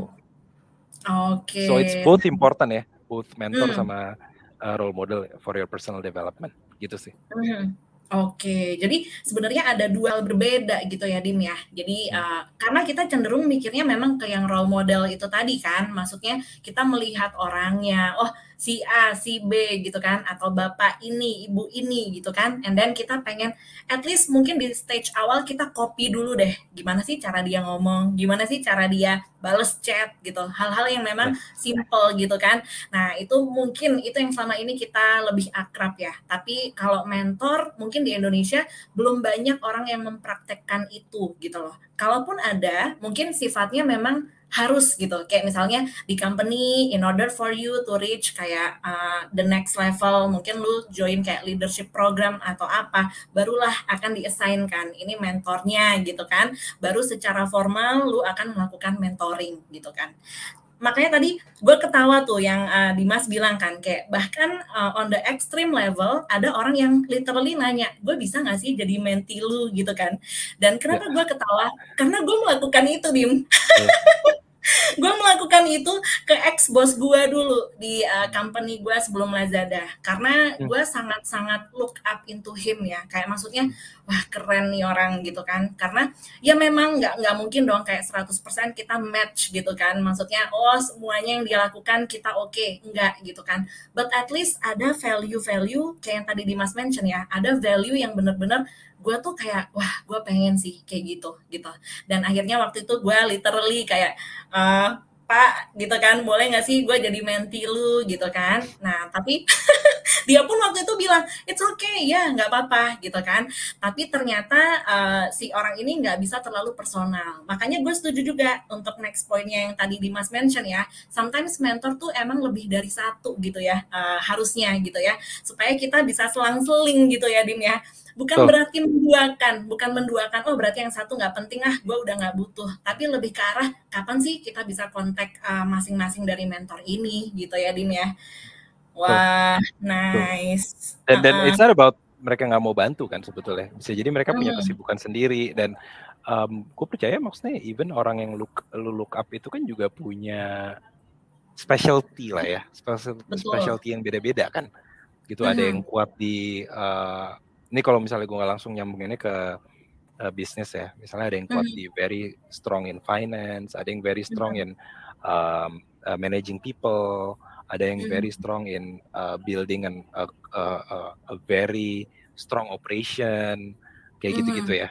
And Iya. please jangan bilang kayak, "Tapi gue entrepreneur, gue nggak butuh finance." No, Mhm. jawabannya enggak. Itu itu that's a basic business concept ya. Maksudnya, eee, even even an entrepreneurs pun butuh, eee, nggak hanya butuh role model, tapi juga butuh mentor kan gitu. So Mhm. it's it's very important ya, whether you do it Mhm. informally atau formally ya, Iya. eee, gitu. Oke, iya sih, benar benar. And then moving on lagi ya, Dims ya, eee, untuk jadi Dims lagi ngomongnya ya, Dim gitu. Biasanya gaulnya emang Dims ya. Eh, santai aja kali. Iya iya iya. Eee, ini, eee, next, eee, question-nya itu ini, Dim, yang mungkin agak-agak kontroversial gitu, nggak kontroversial sih, kayak maksudnya emang iya kayak gitu, gitu loh. Eee, yang gue rasakan dan memang ada beberapa orang yang bilang dan gue juga baca artikel gitu ya, leader ini kan dia lead a team gitu kan, di mana memang timnya pasti akan lebih banyak dari dirinya dia. Ya iya dong, karena kan dia sendirian and then, eee, dia punya tim. Bukan bahas dia ten apa, eee, bersama dengan leader yang lain ya. Kalau ada tim, misalnya dalam satu tim, 1 orang turun ke 3 orang, turun lagi ke berapa, itu kan jatuhnya leader-nya ada 3 lah di layer yang tengah mungkin ya. Nah, ada eee, tapi kalau kita bahas bener-bener satu line ya, satu vertical, eee, line untuk tim, kan pasti ada satu leader, ada timnya, banyak gitu kan. Nah, eee, balik lagi di Indonesia yang tadi gue bilang, eee, leader itu kan harus tahan banting nih, karena dia pasti akan diomongin lah quote quote unquote gitu kan whether itu positif ataupun negatif and then uh, at some point lu setuju nggak sih kalau gue bilang bahwa leader itu bisa merasa lonely loh gitu? Dia kayak berasa alone loh. Maksudnya gini yes uh, dia adalah leader yang baik kemudian dia bisa driving the team gitu kan?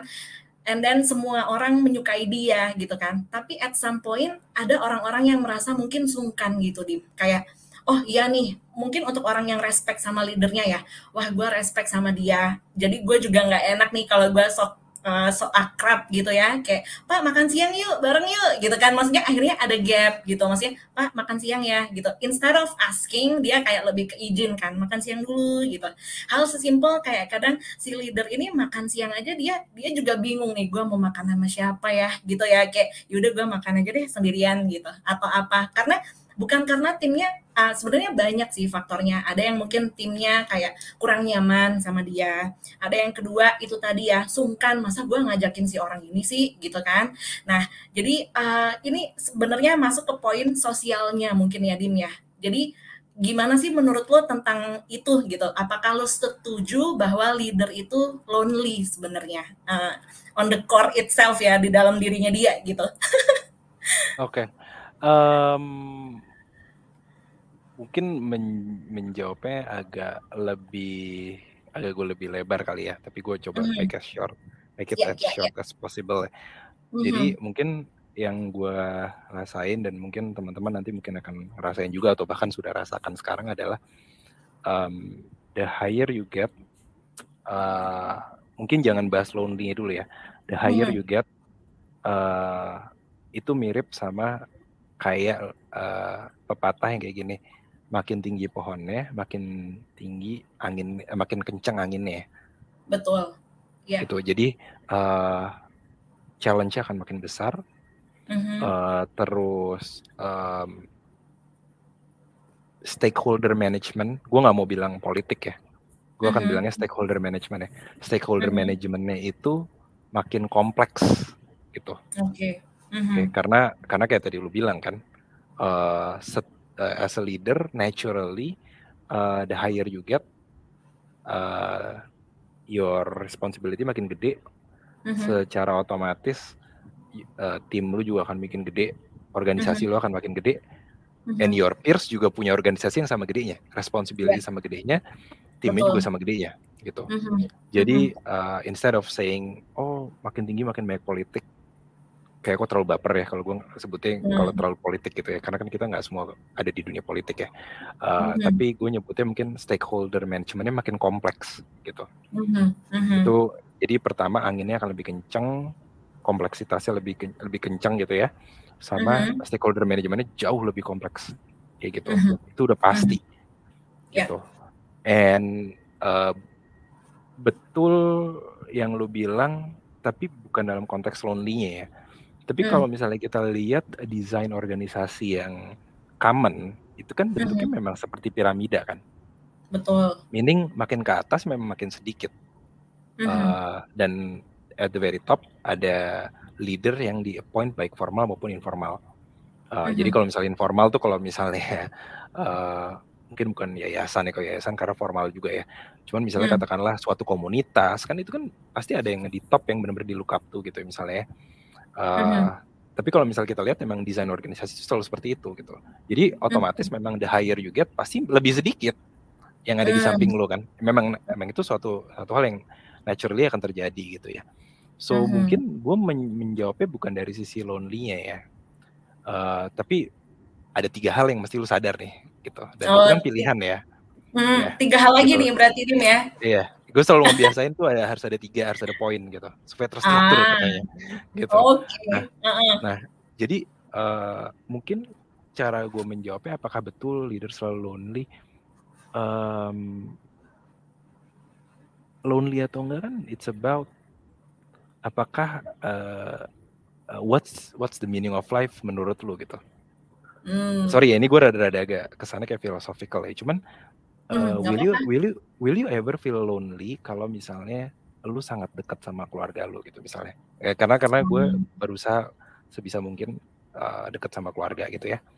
Jadi gue nggak um, uh, gue nggak pernah merasa lonely karena gue tahu uh, gue akan kembali ke rumah yang uh, everyone will welcome me uh, with a warm hand and warm mm -hmm. heart kayak gitu mm -hmm. kan so yeah. uh, di kantor um, if if I ever feel lonely gue merasa bahwa this is only a transit mm -hmm. gitu mm -hmm. uh, nanti pada akhirnya juga um, gue akan kembali ke uh, the true meaning of my life yaitu keluarga mm -hmm. gue gitu kan Yeah. So so it's about finding the meaningnya dulu ya. Maksudnya uh, uh, uh, end goalnya kan mungkin gak hanya cuma di kantor ini gitu ya. Jadi kalau misalnya lu um, ya lagi sepi gitu kan, well you have 24 hours, you spend uh, like 9, maybe 8, 9, 10 hours di kantor, mm uh, di tempat kerja, and you have what almost maybe 15 hours hmm. sama keluarga lu sama your friends sama your loved ones gitu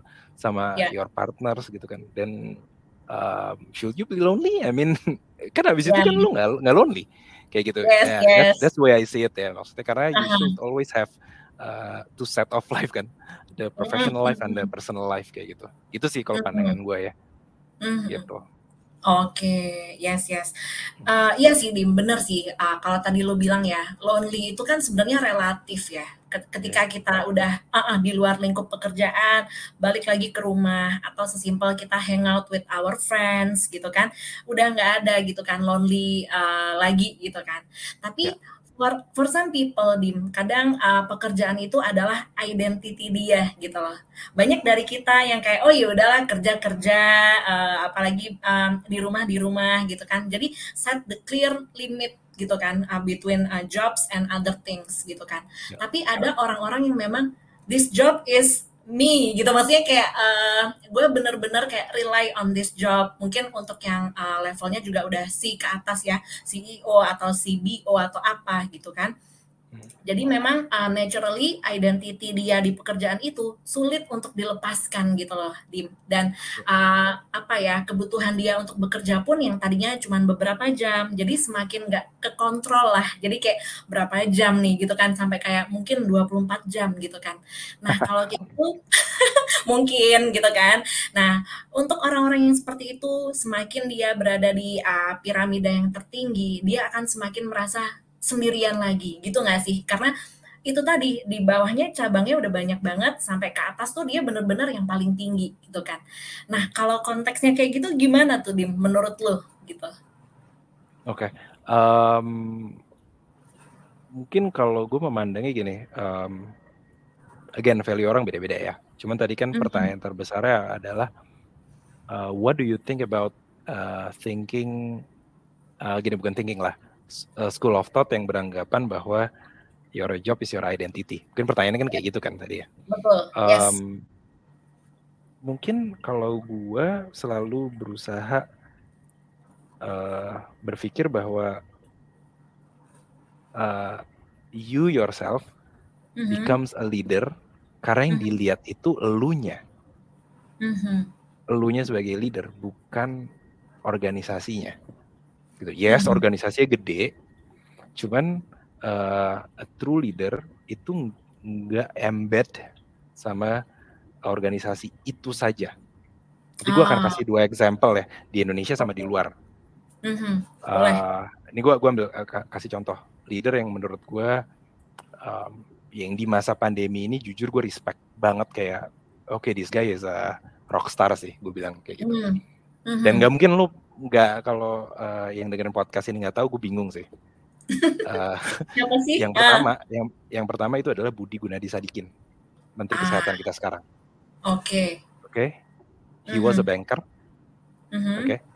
Uh, abis itu bankernya juga bukan banker lima tahun loh. Uh, mm. I think he, hampir, I think 20 years plus dia jadi banker.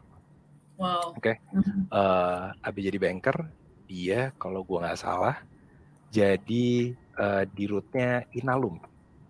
Hmm. Jadi uh, Inalum itu adalah holding company pertambangan Indonesia. Jadi sebelum uh, dia jadi ini ya, dia jadi, saya ingat gue sebelum dia jadi Menkes. Mm -hmm. gitu. Oke. Okay. Jadi yeah, dia yeah. di Inalum. Itu udah beloknya jauh banget loh. uh-huh. artinya artinya dia nggak nggak menjadikan uh, pekerjaan dia yang sebelumnya identitas kan uh-huh. dia Budi. Gunadi ya Budi Gunadi Sadikin habis yes. dia jadi uh, di Rutinalum dia jadi wakil menteri wakil uh-huh. menteri BUMN uh-huh. oke okay? dan bear in mind even bank yang tadi dia pimpin itu bukan bank kecil loh itu bank mandiri loh oke okay. ya kan? uh-huh. okay? habis dia jadi wakil menteri BUMN hmm. gede loh kementerian BUMN itu gede banget hmm. dia jadi kementerian kesehatan hmm. dan itu yang dilihat bukan uh, bukan identitasnya dia di organisasi mana tapi Budi Gunadi hmm. Sadikin sebagai Budi Gunadi Sadikin mm-hmm. okay. so it's about it's about it's not about the identity bahwa Dimas adalah uh, perusahaan ini ini mm-hmm. adalah perusahaan ini but it's mm-hmm. about uh, making people tahu bahwa as a leader mm-hmm. itu lu uh, dilihat sebagai diri lu sendiri, nggak cuma dari organisasi lu. That's why ada orang-orang yang spesial banget kayak menurut gue kayak Pak Budi Gunadi Sadikin yang bisa bertransform dari satu satu organisasi. Gak ada yang kecil sama sekali dari organisasi gede ke organisasi gede yang lain dan dia jadi rockstar aja di bidang itu gitu. Mm-hmm. Itu Indonesia. Yeah. Oke. Okay? Yes. Itu kan kayaknya ceritanya positif semua gitu ya. Coba kita mm-hmm. cari yang satu yang rada kontroversial deh. Mm. Mungkin teman-teman pernah denger uh, orang namanya Travis Kalanick. Ah, Kalanick itu founder foundernya Uber. Oke. Okay? Oke. Okay. Founder uh -huh. dan CEO pertamanya Uber. Uh mhm. -huh. Perusahaan yang benar-benar nge-disrupt the whole market ya kan. yang, yes. benar-benar ngebikin ride hailing pertama ya dia kayak gitu. Uh mhm. -huh. Oke. Okay? Travis Kalanick is Uber gitu karena dia foundernya dan dia CEO uh mhm. -huh. pertamanya.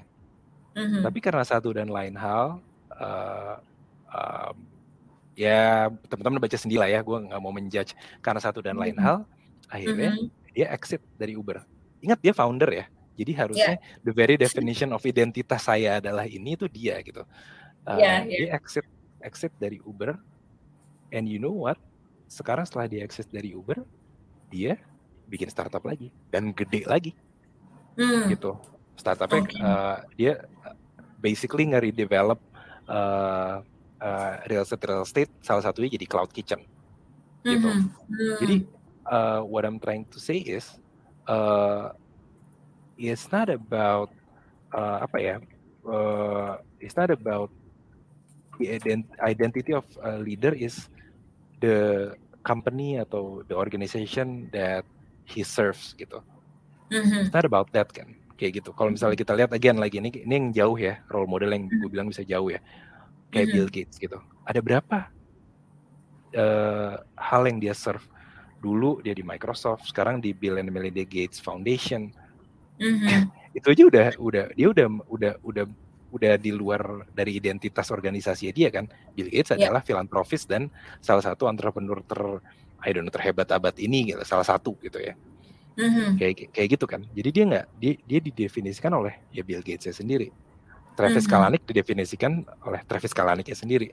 Kalau nggak usah jauh-jauh di Indonesia, Budi Gunadi Sadikin didefinisikan sama Budi Gunadi yes. Sadikinnya sendiri, bukan yes, yes. gue gue even I don't even remember dia uh, sekarang uh, bekas di Rute Mandiri karena uh, he's doing a great job as a Menteri Kesehatan kayak gitu. Kalau gue sih yeah, ngeliatnya yeah. kayak gitu kan. Gitu. Ah iya iya iya. iya. Gitu. Kalau gue ngeliatnya gitu. Thank you. Jadi itu tadi udah dikasih ya teman-teman ya sama Dimas nih dua contoh gitu ya orang yang sebenarnya uh, kalau orang lihat akan identik dengan satu role atau even satu company gitu ya. Tapi kedua orang itu tuh berhasil keluar dari situ dan even levelnya mereka nggak ecek-ecek lagi loh, bukan yang kayak baru aduh gitu kayak company-nya kecil gitu. Enggak, ini cakupannya udah masif banget dan ternyata mereka berhasil keluar dari situ gitu ya. Jadi sebenarnya ya nggak segitunya ya Dim ya. Berarti leader itu ya nggak harus kayak oh company ini adalah identity gue gitu kan. Jadi gue nggak akan bisa keluar dari sini. Ternyata ternyata nggak seperti itu ya. Oke, okay. and then um, next question ya. Ini ya lompat-lompat lah ya biasa gitu kan. Jadi um, agak kontroversial lagi mungkin ya di gue menilai nih karena uh, bos yang atau manajer yang tadi gue bilang, di mana gue kayak bilang ke dia boleh nggak gue jadi mentinya lu gitu kan. Dan uh, selama gue bekerja sama dia dikit banyak dia juga sharing-sharing gitu kan. Even dia bilang uh, nanti Steph kalau lu jadi leader lu tuh gini gini gini gitu kan. Nah gue inget banget ada satu poin yang dia bilang nih kayak uh, hmm, Steph kan lu sekarang lebih uh, gimana? Gini maksudnya. Jadi ketika kita bekerja dim, nggak akan terhindari uh, akan tercipta kubu-kubu uh, tertentu kan. Mungkin ini kaitannya dengan uh, stakeholder management ya, yang tadi lu mention ya. Akan ada kubu-kubu. Satu kubu ini lebih condong mikir ke mana, satu kubu lagi ke mana, gitu kan. Nah, sometimes kita tuh merasa, oh ya udahlah, gue nggak usah masuk ke kubu tertentu, gue stay neutral aja lah, netral gitu kan. Nah, kalau kata manajer gue waktu itu kita nggak bisa tuh kayak gitu. Jadi kalau lo netral, sometimes lo akan lose the company gitu kan. Uh, company di sini bukan perusahaannya, tapi company uh, definitionnya adalah teman gitu ya. Maksudnya coworker lu mungkin atau ya pokoknya teman di kantor gitu kan. Jadi uh, lu harus ikut nih salah satu kubunya. Misalnya ada keputusan perusahaan kayak gini, lu agree or not agree gitu kan. Atau banyaklah hal lainnya gitu kan. Nah kalau menurut Dimas bener nggak sih kayak gitu Dim? Haruskah kita kayak mengikuti satu kubu tertentu gitu? Atau sebenarnya bisa bisa nggak sih kalau kita stay netral aja gitu dalam bekerja ya gitu? Khususnya dalam konteksnya menjadi leader gitu Dim. Susah nih pertanyaannya, sejujurnya. um, yeah. Tapi mungkin balik lagi ke gini sih ya. Um, ini sorry ya kalau misalnya gue bahasanya kesannya uh, terlalu nggak common kali yang digunain bahasa ini. Tapi hmm, balik lagi tergantung as a leader lu mesti ingat bahwa tergantung sebetulnya mandat lu apa gitu. Hmm. Jadi mandat tuh meaning kalau misalnya diterjemahkan ke uh, bahasa sehari-harinya mungkin uh, responsibilities sama uh, what, what is your role and responsibilities as a leader ya. Dan mm-hmm. kalau diterjemahin lebih lebih ke lebih rendah lagi uh, what is the objective of your role? Kalau lebih rendah mm-hmm. lagi terjemahin mm -hmm. jadi KPI-nya gitu ya. Okay. Uh, eh, gitu. Jadi pertama lu ngerti itu dulu deh. Jadi sebelum ini sebelum menjawab yang kubu-kubuan itu ya. Uh, jadi pertama itu dulu understanding your mandat dengan lu mengerti mandat lu otomatis uh, lu jadi tahu kapan lu harus dalam konteks positif ya. Uh, -hmm. kapan lu harus berkompromi -hmm. dan kapan lu harus uh, uh, apa ya? Lurus ngeliatnya nggak nggak nggak bisa ini nggak bisa ditawar kayak gitu. Mm-hmm. Oke. Okay. Oke. Okay. Um. Jadi kalau pandangan gue bukan berkubu-kubu ya, gitu. Mm-hmm. Uh, gue ambil contoh kalau misalnya di perbankan gitu ya. Mm-hmm. Uh, kalau kita mencoba membayangkan jadi direktur risk management ya. Mm-hmm. Direktur risk management itu kan is about mitigating all of the risk that might incur mm-hmm. due to a couple of things lah ya kalau dalam perbankan apakah itu karena resiko pinjaman, resiko operasional, uh, dan resiko-resiko lain lah ya supaya gue nggak terlalu mm-hmm. panjang nih ketika ngajarin mm-hmm. perbankan lagi uh, yeah, yeah. kayak gitu kan jadi uh, uh-huh. tapi as a risk director hmm, gue nggak pernah jadi risk director ya by the way cuman gue mencoba membayangkan jadi dia as a risk mm-hmm. director uh, mm. dia tahu kapan harus berkompromi. Contoh, dia hmm. melihat ada suatu potensi bisnis, ada resikonya, tapi dia bisa memitigasi resikonya. Itu kan sebetulnya dia berkompromi kan. Oke, gue berani hmm. ambil resiko ini, gue berkompromi hmm. nih. Karena menurut direktur bisnisnya, misalnya peersnya dia, dia bilang bahwa memang betul resikonya tinggi, tapi returnnya tuh tinggi sekali, melebihi resiko yang hmm kita absorb kayak gitu. Itu kan dia berkompromi sebenarnya. Oke. Okay. Kalau dia ngeliatnya dari kacamata kuda, dia kan miring enggak, resiko. nol ya. satu seribu resiko, bodo amat. Pokoknya itu resiko. gue kacamata kuda, gue nggak mau kompromi. Kayak mm -hmm. gitu. Mungkin bagi direkturis ya udah gue berkompromi di konteks itu. Tapi di konteks mm -hmm. lainnya, misalnya katakanlah direkturisnya melihat ada potensi fraud atau penipuan mm. di situ, dia nggak mm -hmm. akan ada kompromi loh. Mm. Gitu. Bahkan board yang lain, BOD yang lain bilang, ayo kita lakukan hal yang hampir nyerempet fraud ini, gue yakin dia akan enggak, gue nggak akan uh. take side lu, gue akan berdiri yeah. sendiri gitu. Mm-hmm. Jadi I think uh, di leadership itu it's not about switching kubu ya, tapi mm-hmm. understanding mandat lu, and then mm-hmm. know kapan lu harus make kompromi atau mm-hmm. uh, when to do a uh, when to compromise, and then when to stick to whatever it is value yang lu punya gitu ya. Tapi mm-hmm. itu semua nggak akan lu bisa capai kalau lu nggak tahu mandat lu apa gitu loh. Mm-hmm. Mm-hmm. Itu sih. Dan okay. dan balik yang lu bilang gitu. Kalau lu nggak mm. takut nggak populer, ya udah, gue sendiri juga nggak apa-apa. Ya gitu cuman uh, ya gue gue akan keep my integrity intact gitu loh. Kalau versi kayak di film-film gitu kan. I keep my integrity mm-hmm. intact kayak gitu kan. Gitu uh, sih.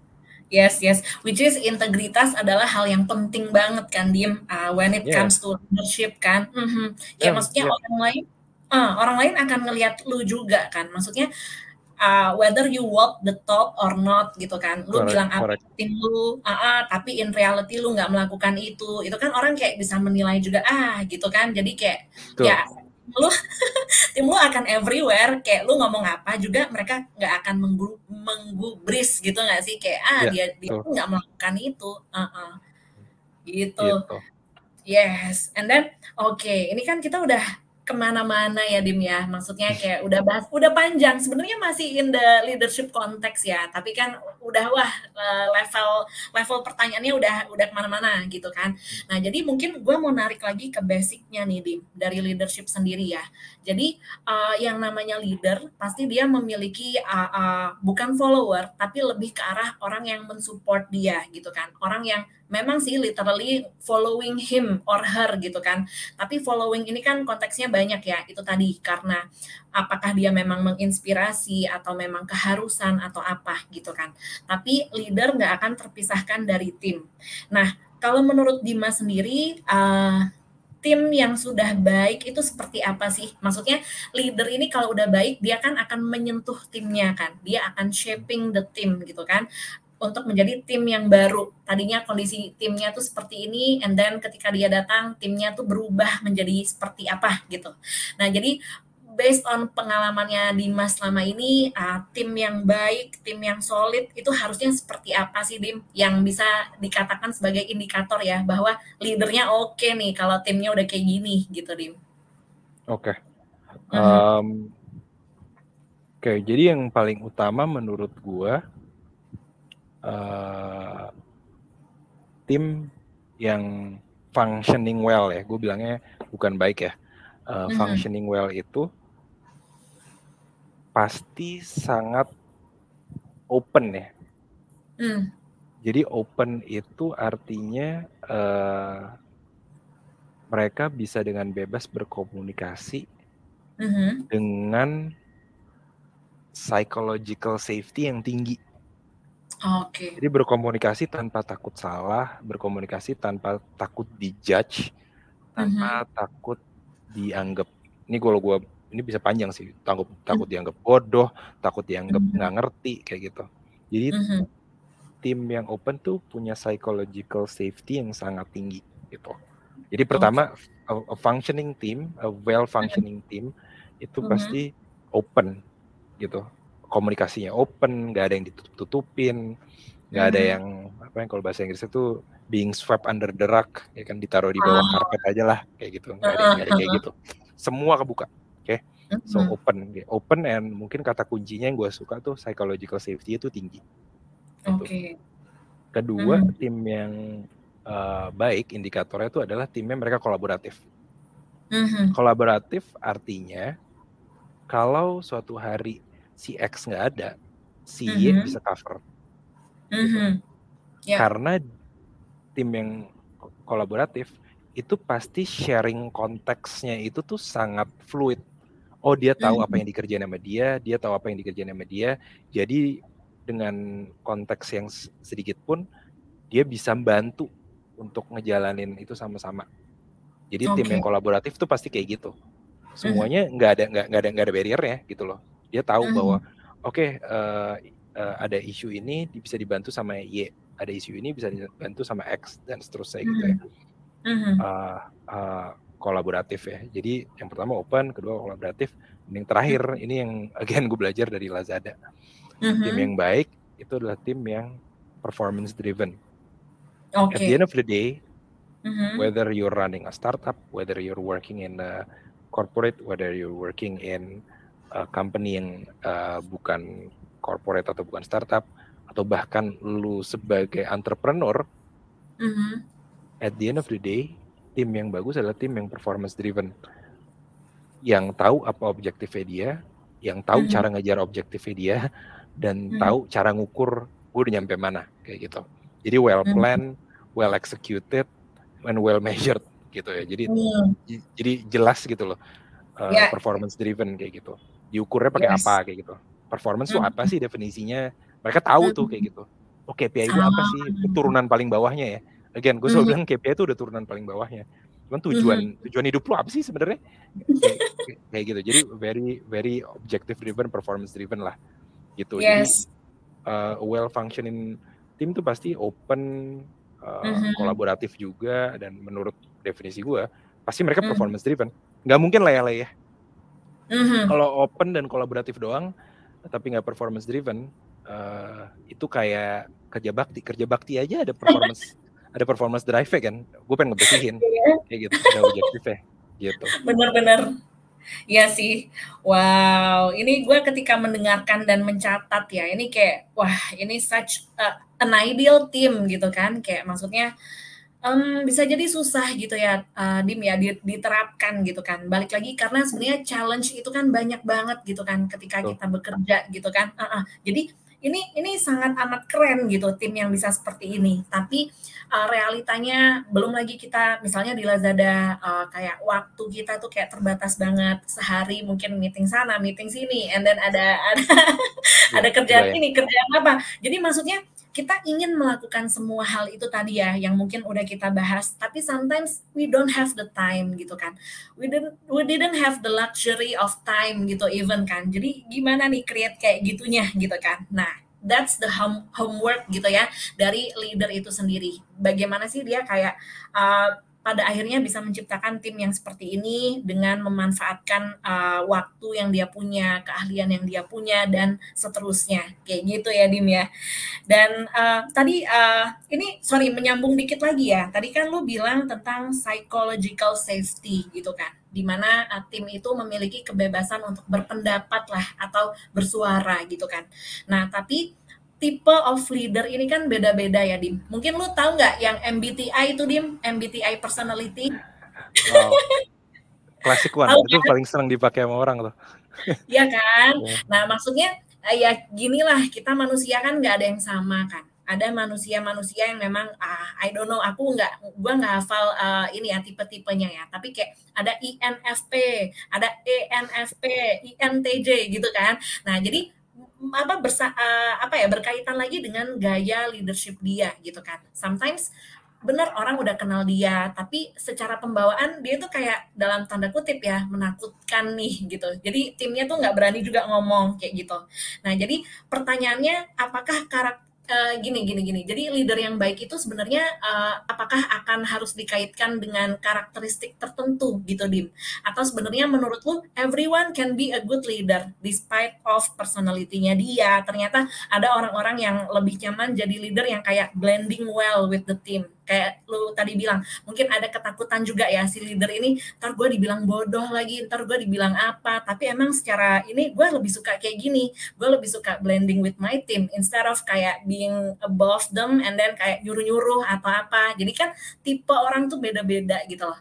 Nah menurut Dimas sebenarnya uh, semua tipe orang itu punya chance nggak sih untuk menjadi a good leader? Atau sebenarnya pada suatu saat nanti at the end of the day mereka harus mengerucut nih sebenarnya kayak gini ini loh personality of a good leader gitu dim.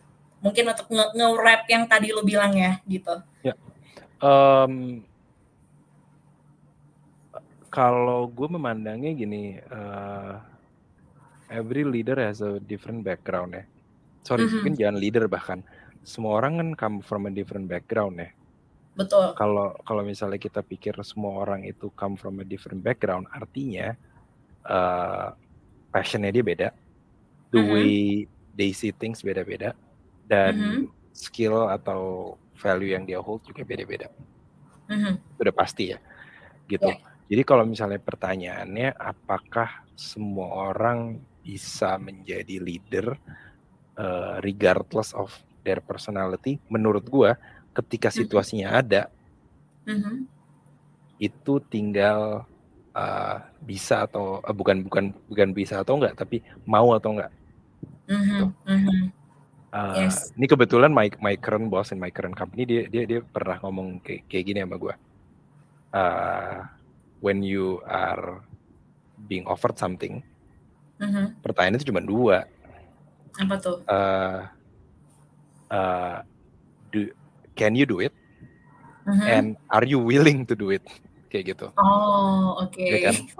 Kalau misalnya di misalnya ternyata uh, I I cannot do it, maksudnya mungkin mm -hmm. eh, kayak gue cuma bisa 50% dari 100% yang diharapkan.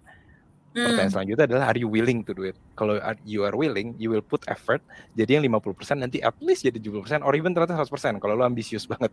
Kayak gitu kan. Ah, iya iya. Ya kan? Menarik sih. Ah, ah. Ya, ya kan. Ya. Nah, uh, kalau misalnya lo ngeliatnya kayak gitu, jadi sebetulnya everyone ketika harus diminta untuk step up sebetulnya bisa-bisa aja. Tinggal dia willing or not kan. Nah, kalau ngomong willing or not itu kan udah ngomong motivasi ya. Kalau misalnya ngomong motivasi kan ya beda-beda orang kan. Ada yang Betul. orang yang benar-benar motivasinya itu apa ya? Misalnya motivasinya itu ya emang gue pengen jadi individual contributor. Ada loh orang yang kayak gitu. Gue emang pengen sangat jadi spesialis yang benar-benar tim gue mungkin cuma satu. Mm. Tapi gue very very expert di sini. Gue ingat mm. waktu gue di Grab ada mm -hmm. salah satu engineers terbaik yang benar-benar itu dari Silicon Valley, if I'm not mistaken dari Microsoft ya. Uh, wow. Itu kayak un, uh, seriously namanya tuh uh, very very harum ya. Namanya tuh ah, Maksudnya gimana nih? Oh, maksudnya famous uh, famous banget dia. Ya ya ya, namanya namanya oh. Steve Yege, Steve Yege. Jadi dia oh. uh, computer computer engineer. Uh uh, dan dia tuh udah 30 tahun kali ya di tech wow. industry. Kerjanya juga hmm. bukan di perusahaan-perusahaan kecil, dia di Amazon, eh, di Google, di Grab gitu. Jadi dia hmm. very very very very senior gitu ya di bidangnya. Hmm. Cuman waktu dia di company waktu itu di Grab, uh, tim media tuh cuman cuman satu sih ingat gue, gitu. Tapi dia bukan bukan programmer kelas teri kan gitu. Mm. tapi tapi mungkin dia memang uh, tipikal orang yang very deep. Gue nggak kenal dia sayangnya ya. Very mm -hmm. deep, uh, have a very deep domain knowledge dan it's not about building a very big team, tapi mm -hmm. about having the right specialty yang benar-benar dalam banget kayak gitu. Itu mm -hmm. contoh gitu ya. Jadi okay. uh, it's about preferences kali ya. Mm -hmm. Ada orang yang mempengen suka ngelit tim gede, ada yang suka ngelit uh, tim kecil, ada yang suka nggak ngelit tim sama sekali kayak gitu mm-hmm. nggak ngelit mm-hmm. orang itu kan yeah. preferences kan Betul. tapi when when the chance come gue selalu mm-hmm. megang kalimat yang tadi it's whether you can do it and are you willing to do it kalau lu can mm-hmm. tapi lu nggak willing ya nggak bisa juga gitu yeah. betul iya kan Masih. gitu tapi kalau uh-huh. you willing tapi you, you cannot lu akan nyoba gitu kayak gitu ya gitu ya ya ya dua pertanyaan itu menarik sih ya dan saling yeah. menyambung gitu ya Dim ya. Can yeah, you do yeah, it? Yeah. Gitu kan? Hmm, Can you do yeah. it? Misalnya lu jawab nggak bisa gitu. Tapi are you willing to do it? Yes, then ya yeah, do it gitu kan. Jadi yeah, kayak betul. ya ya ya make sense. Aha. Yeah. Oke, sip sip. Dan ini kita udah panjang juga ya Dim ya, udah satu jam 41 menit ya. Yeah. But uh, sebenarnya dari gue udah merasa nih, ini nggak mungkin singkat nih ngomong sama Dimas. Maksudnya karena gue pengen belajar gitu loh. Maksudnya di sini gue juga buat podcast ini kan untuk apa ya, mencoba menggali nih Dim dari guestnya kan, supaya teman-teman yang dengerin tuh kayak bisa terwakili lah dim. Kira-kira dan gue berusaha menempatkan posisi gue in their shoes gitu kan. Kira-kira mereka mau nanya apa ya gitu loh. Jadi ya maafkan juga nih kalau akhirnya panjang banget gitu ya dim ya uh, tanyanya uh, uh, dan jadi mungkin uh, satu pertanyaan terakhir nih kalau dari gue dim. Sebenarnya uh, kalau lu sendiri kan menjadi leader itu kan udah uh, lama lah ya experience-nya udah banyak. Nah gue jadi kepo aja sih. Sebenarnya lu tuh masih belajar nggak sih dim? Kayak maksudnya exploring and then uh, learn from uh, others gitu kan? Atau sesimpel Dimas nih baca buku nggak sih? Atau baca artikel nggak sih? Cuman kayak tips how to be a good leader. Atau uh, gimana sih cara manage tim? Maksudnya lu tuh masih di uh, kadang masih menyentuh level itu nggak sih dim? Atau lu kayak udah wah gue udah nggak butuh itu karena gue learning by doing. Maksudnya gue udah punya experience gitu. Atau lu tetap ada sometimes back to basicnya juga gitu. Uh, meaning basic itu maksudnya belajar teorinya gitu, Dim. itu sih. Ya. Jadi um, kebetulan gue nggak terlalu suka baca buku tapi gue dengerin pod, uh, podcast sama audiobook. Gue nggak, ah. gue jarang baca. Gue jarang baca. Okay. Jadi gue kayak lebih ke audio person ya, gitu. Mm -hmm. Jadi gue lebih gampang men apa menangkap sesuatu dan mensarikan sesuatu dari itu. Jadi mm -hmm. Uh, mm -hmm. I think I spend a lot of time dengerin audio book ya, karena gue mm -hmm. lebih suka itu. Kalau gue lagi commuting, kalau gue lagi di jalan, gue dengerinnya biasa audio book gitu, or mm -hmm. dengerin interview kayak gitu-gitu, podcast kayak gitu. Jadi yes. uh, buat gue, uh, true leader will never stop evolving and never stop learning. Mm -hmm. Gitu. Oke. Okay selalu ingat cerita Budi Gunadi Sadikin. nggak mungkin dia nggak belajar kayak gitu yes, kan. So uh-huh. jadi orang yang bisa evolve pasti orang yang belajar gitu kan.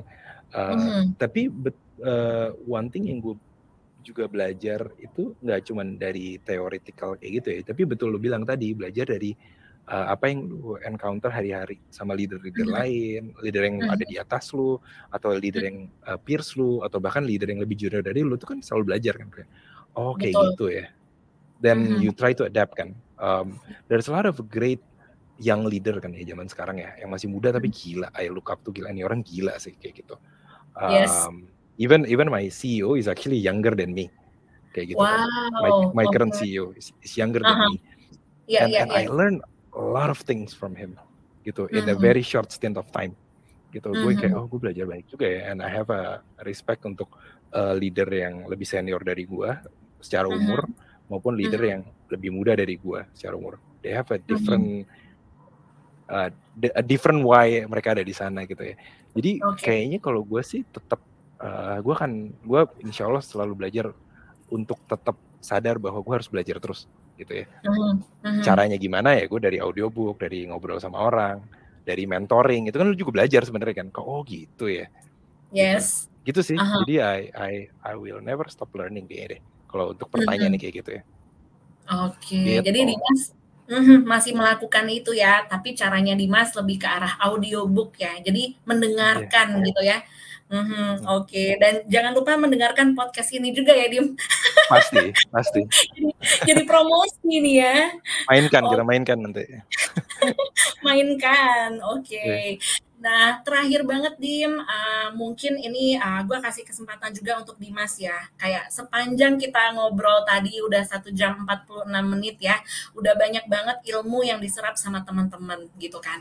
Tapi uh, gue pengen tahu juga nih, kalau dari Dimas sendiri ada nggak sih pesan-pesan yang mau disampaikan ke pendengar dari podcast ini? Mau itu pesan-pesan atau mungkin pedoman hidupnya Dimas yang sama ini lu percayai gitu kan? Boleh dong Dim di-share ke kita. Mm -mm. Hmm, oke. Mungkin, uh, mungkin gue dan gue belajar ini baru-baru aja ya, especially -hmm. setelah, uh, my son pass away last year kan. Uh, jadi gue belajar banget nih, um, when uh, and and and ini nggak ada hubungannya langsung sama leadership ya, cuman, uh, how do you see misalnya lu mau mengerjakan sesuatu atau apa pun gitu ya, when you do things, uh, pandangan gue sekarang itu there are two main apa ya main uh, main question yang harus lu jawab mm-hmm. kalau lu melakukan apa pun ya yeah. Ya. uh, tentu bukan kalau misalnya lu mau makan siang gitu enggak lah cuman kalau iya. misalnya do something yang very important lu tanya uh, dua hal mm-hmm. first uh, apakah hal yang lu lakukan ini create meaning nggak is it a mean, mm-hmm. is it meaningful kayak gitu. Okay. Uh-huh. Oke, itu yang pertama. Yang mm-hmm. kedua, uh-huh. apakah ini create memories? Gitu. Okay. Apakah uh-huh. ini mm-hmm. bisa sesuatu yang bisa jadi memori lu yang ketika nanti lu 20 30 tahun lagi menjadi memori yang uh, lu ingat dan lu uh, banggakan kayak gitu ya. Uh-huh. So always remember that kalau menurut gua apa pun yang lu lakukan uh, apakah uh, does this create meaning? Or mm-hmm. does it create memories? Mm-hmm. Uh, kalau contoh konkretnya, kalau gue boleh share di terakhir ini, mm-hmm. uh, bagi gue uh, sesuatu yang create meaning, artinya itu sesuai sama your passion. Uh, mm. Melakukan sesuatu yang lu cintai itu akan create meaning for you, yes. kayak gitu. Otomatis itu akan create memories yang everlasting buat lo, karena itu meaningful. Uh, mm-hmm. Contohnya kalau bagi gue misalnya mengerjakan yayasan, mengerjakan mm-hmm. non-profit organization itu create meaning buat gue. Gitu. That, okay. that is the way gue mengingat uh, my late son misalnya kayak gitu. Uh, so does that create meaning? Nomor satu. Contohnya kalau does that create memories? Even working with someone that you like working with, itu create mm-hmm. memories. Mm-hmm. Gitu. Jadi every time gue melakukan sesuatu dan have to make a difficult choice yang terkait sama my personal life, dua pertanyaan itu mungkin teman-teman bisa coba aja tanyakan sama diri sendiri. Does it create meaning or does it create memories? Kalau kedua-duanya ideal, top, lakuin. Kalau mm-hmm. salah satunya, then uh, lu ini sendiri lah, bikin benefit uh, apa ya, apa namanya cost benefit lah ya. Oh ini hmm. benefitnya lebih gede inilah, oke okay lah. Ya udahlah satu kalah tapi satu menang kayak gitu. Mm-hmm. Tapi kalau nggak dua-duanya, mm-hmm. then why waste your time, ya kan? Life mm-hmm. is very very short, gitu. You need to do something yang meaningful atau create memories for you. Itu aja sih. Mm-hmm. Oke, wow, thank you banget Dim, inspiring banget tuh ya, uh, uh, apa namanya quote terakhir dari Dimas ya teman-teman ya.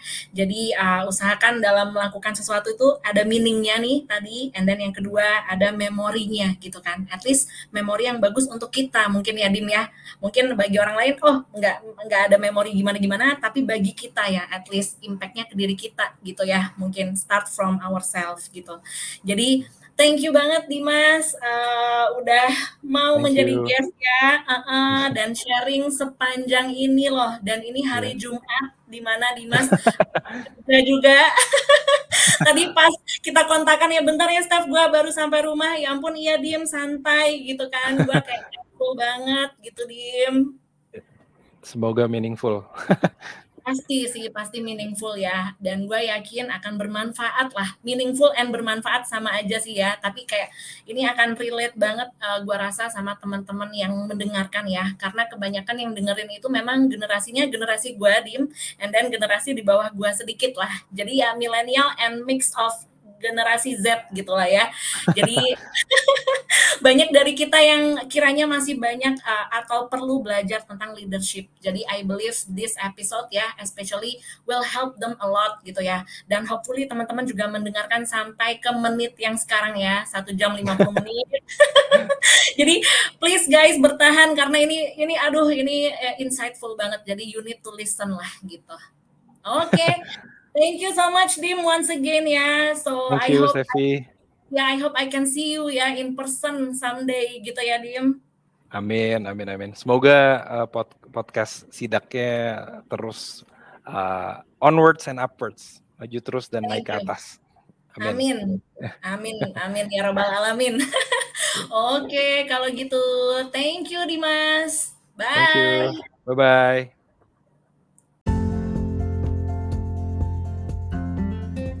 Thank you for listening to Siram. See you in the next episode. Bye.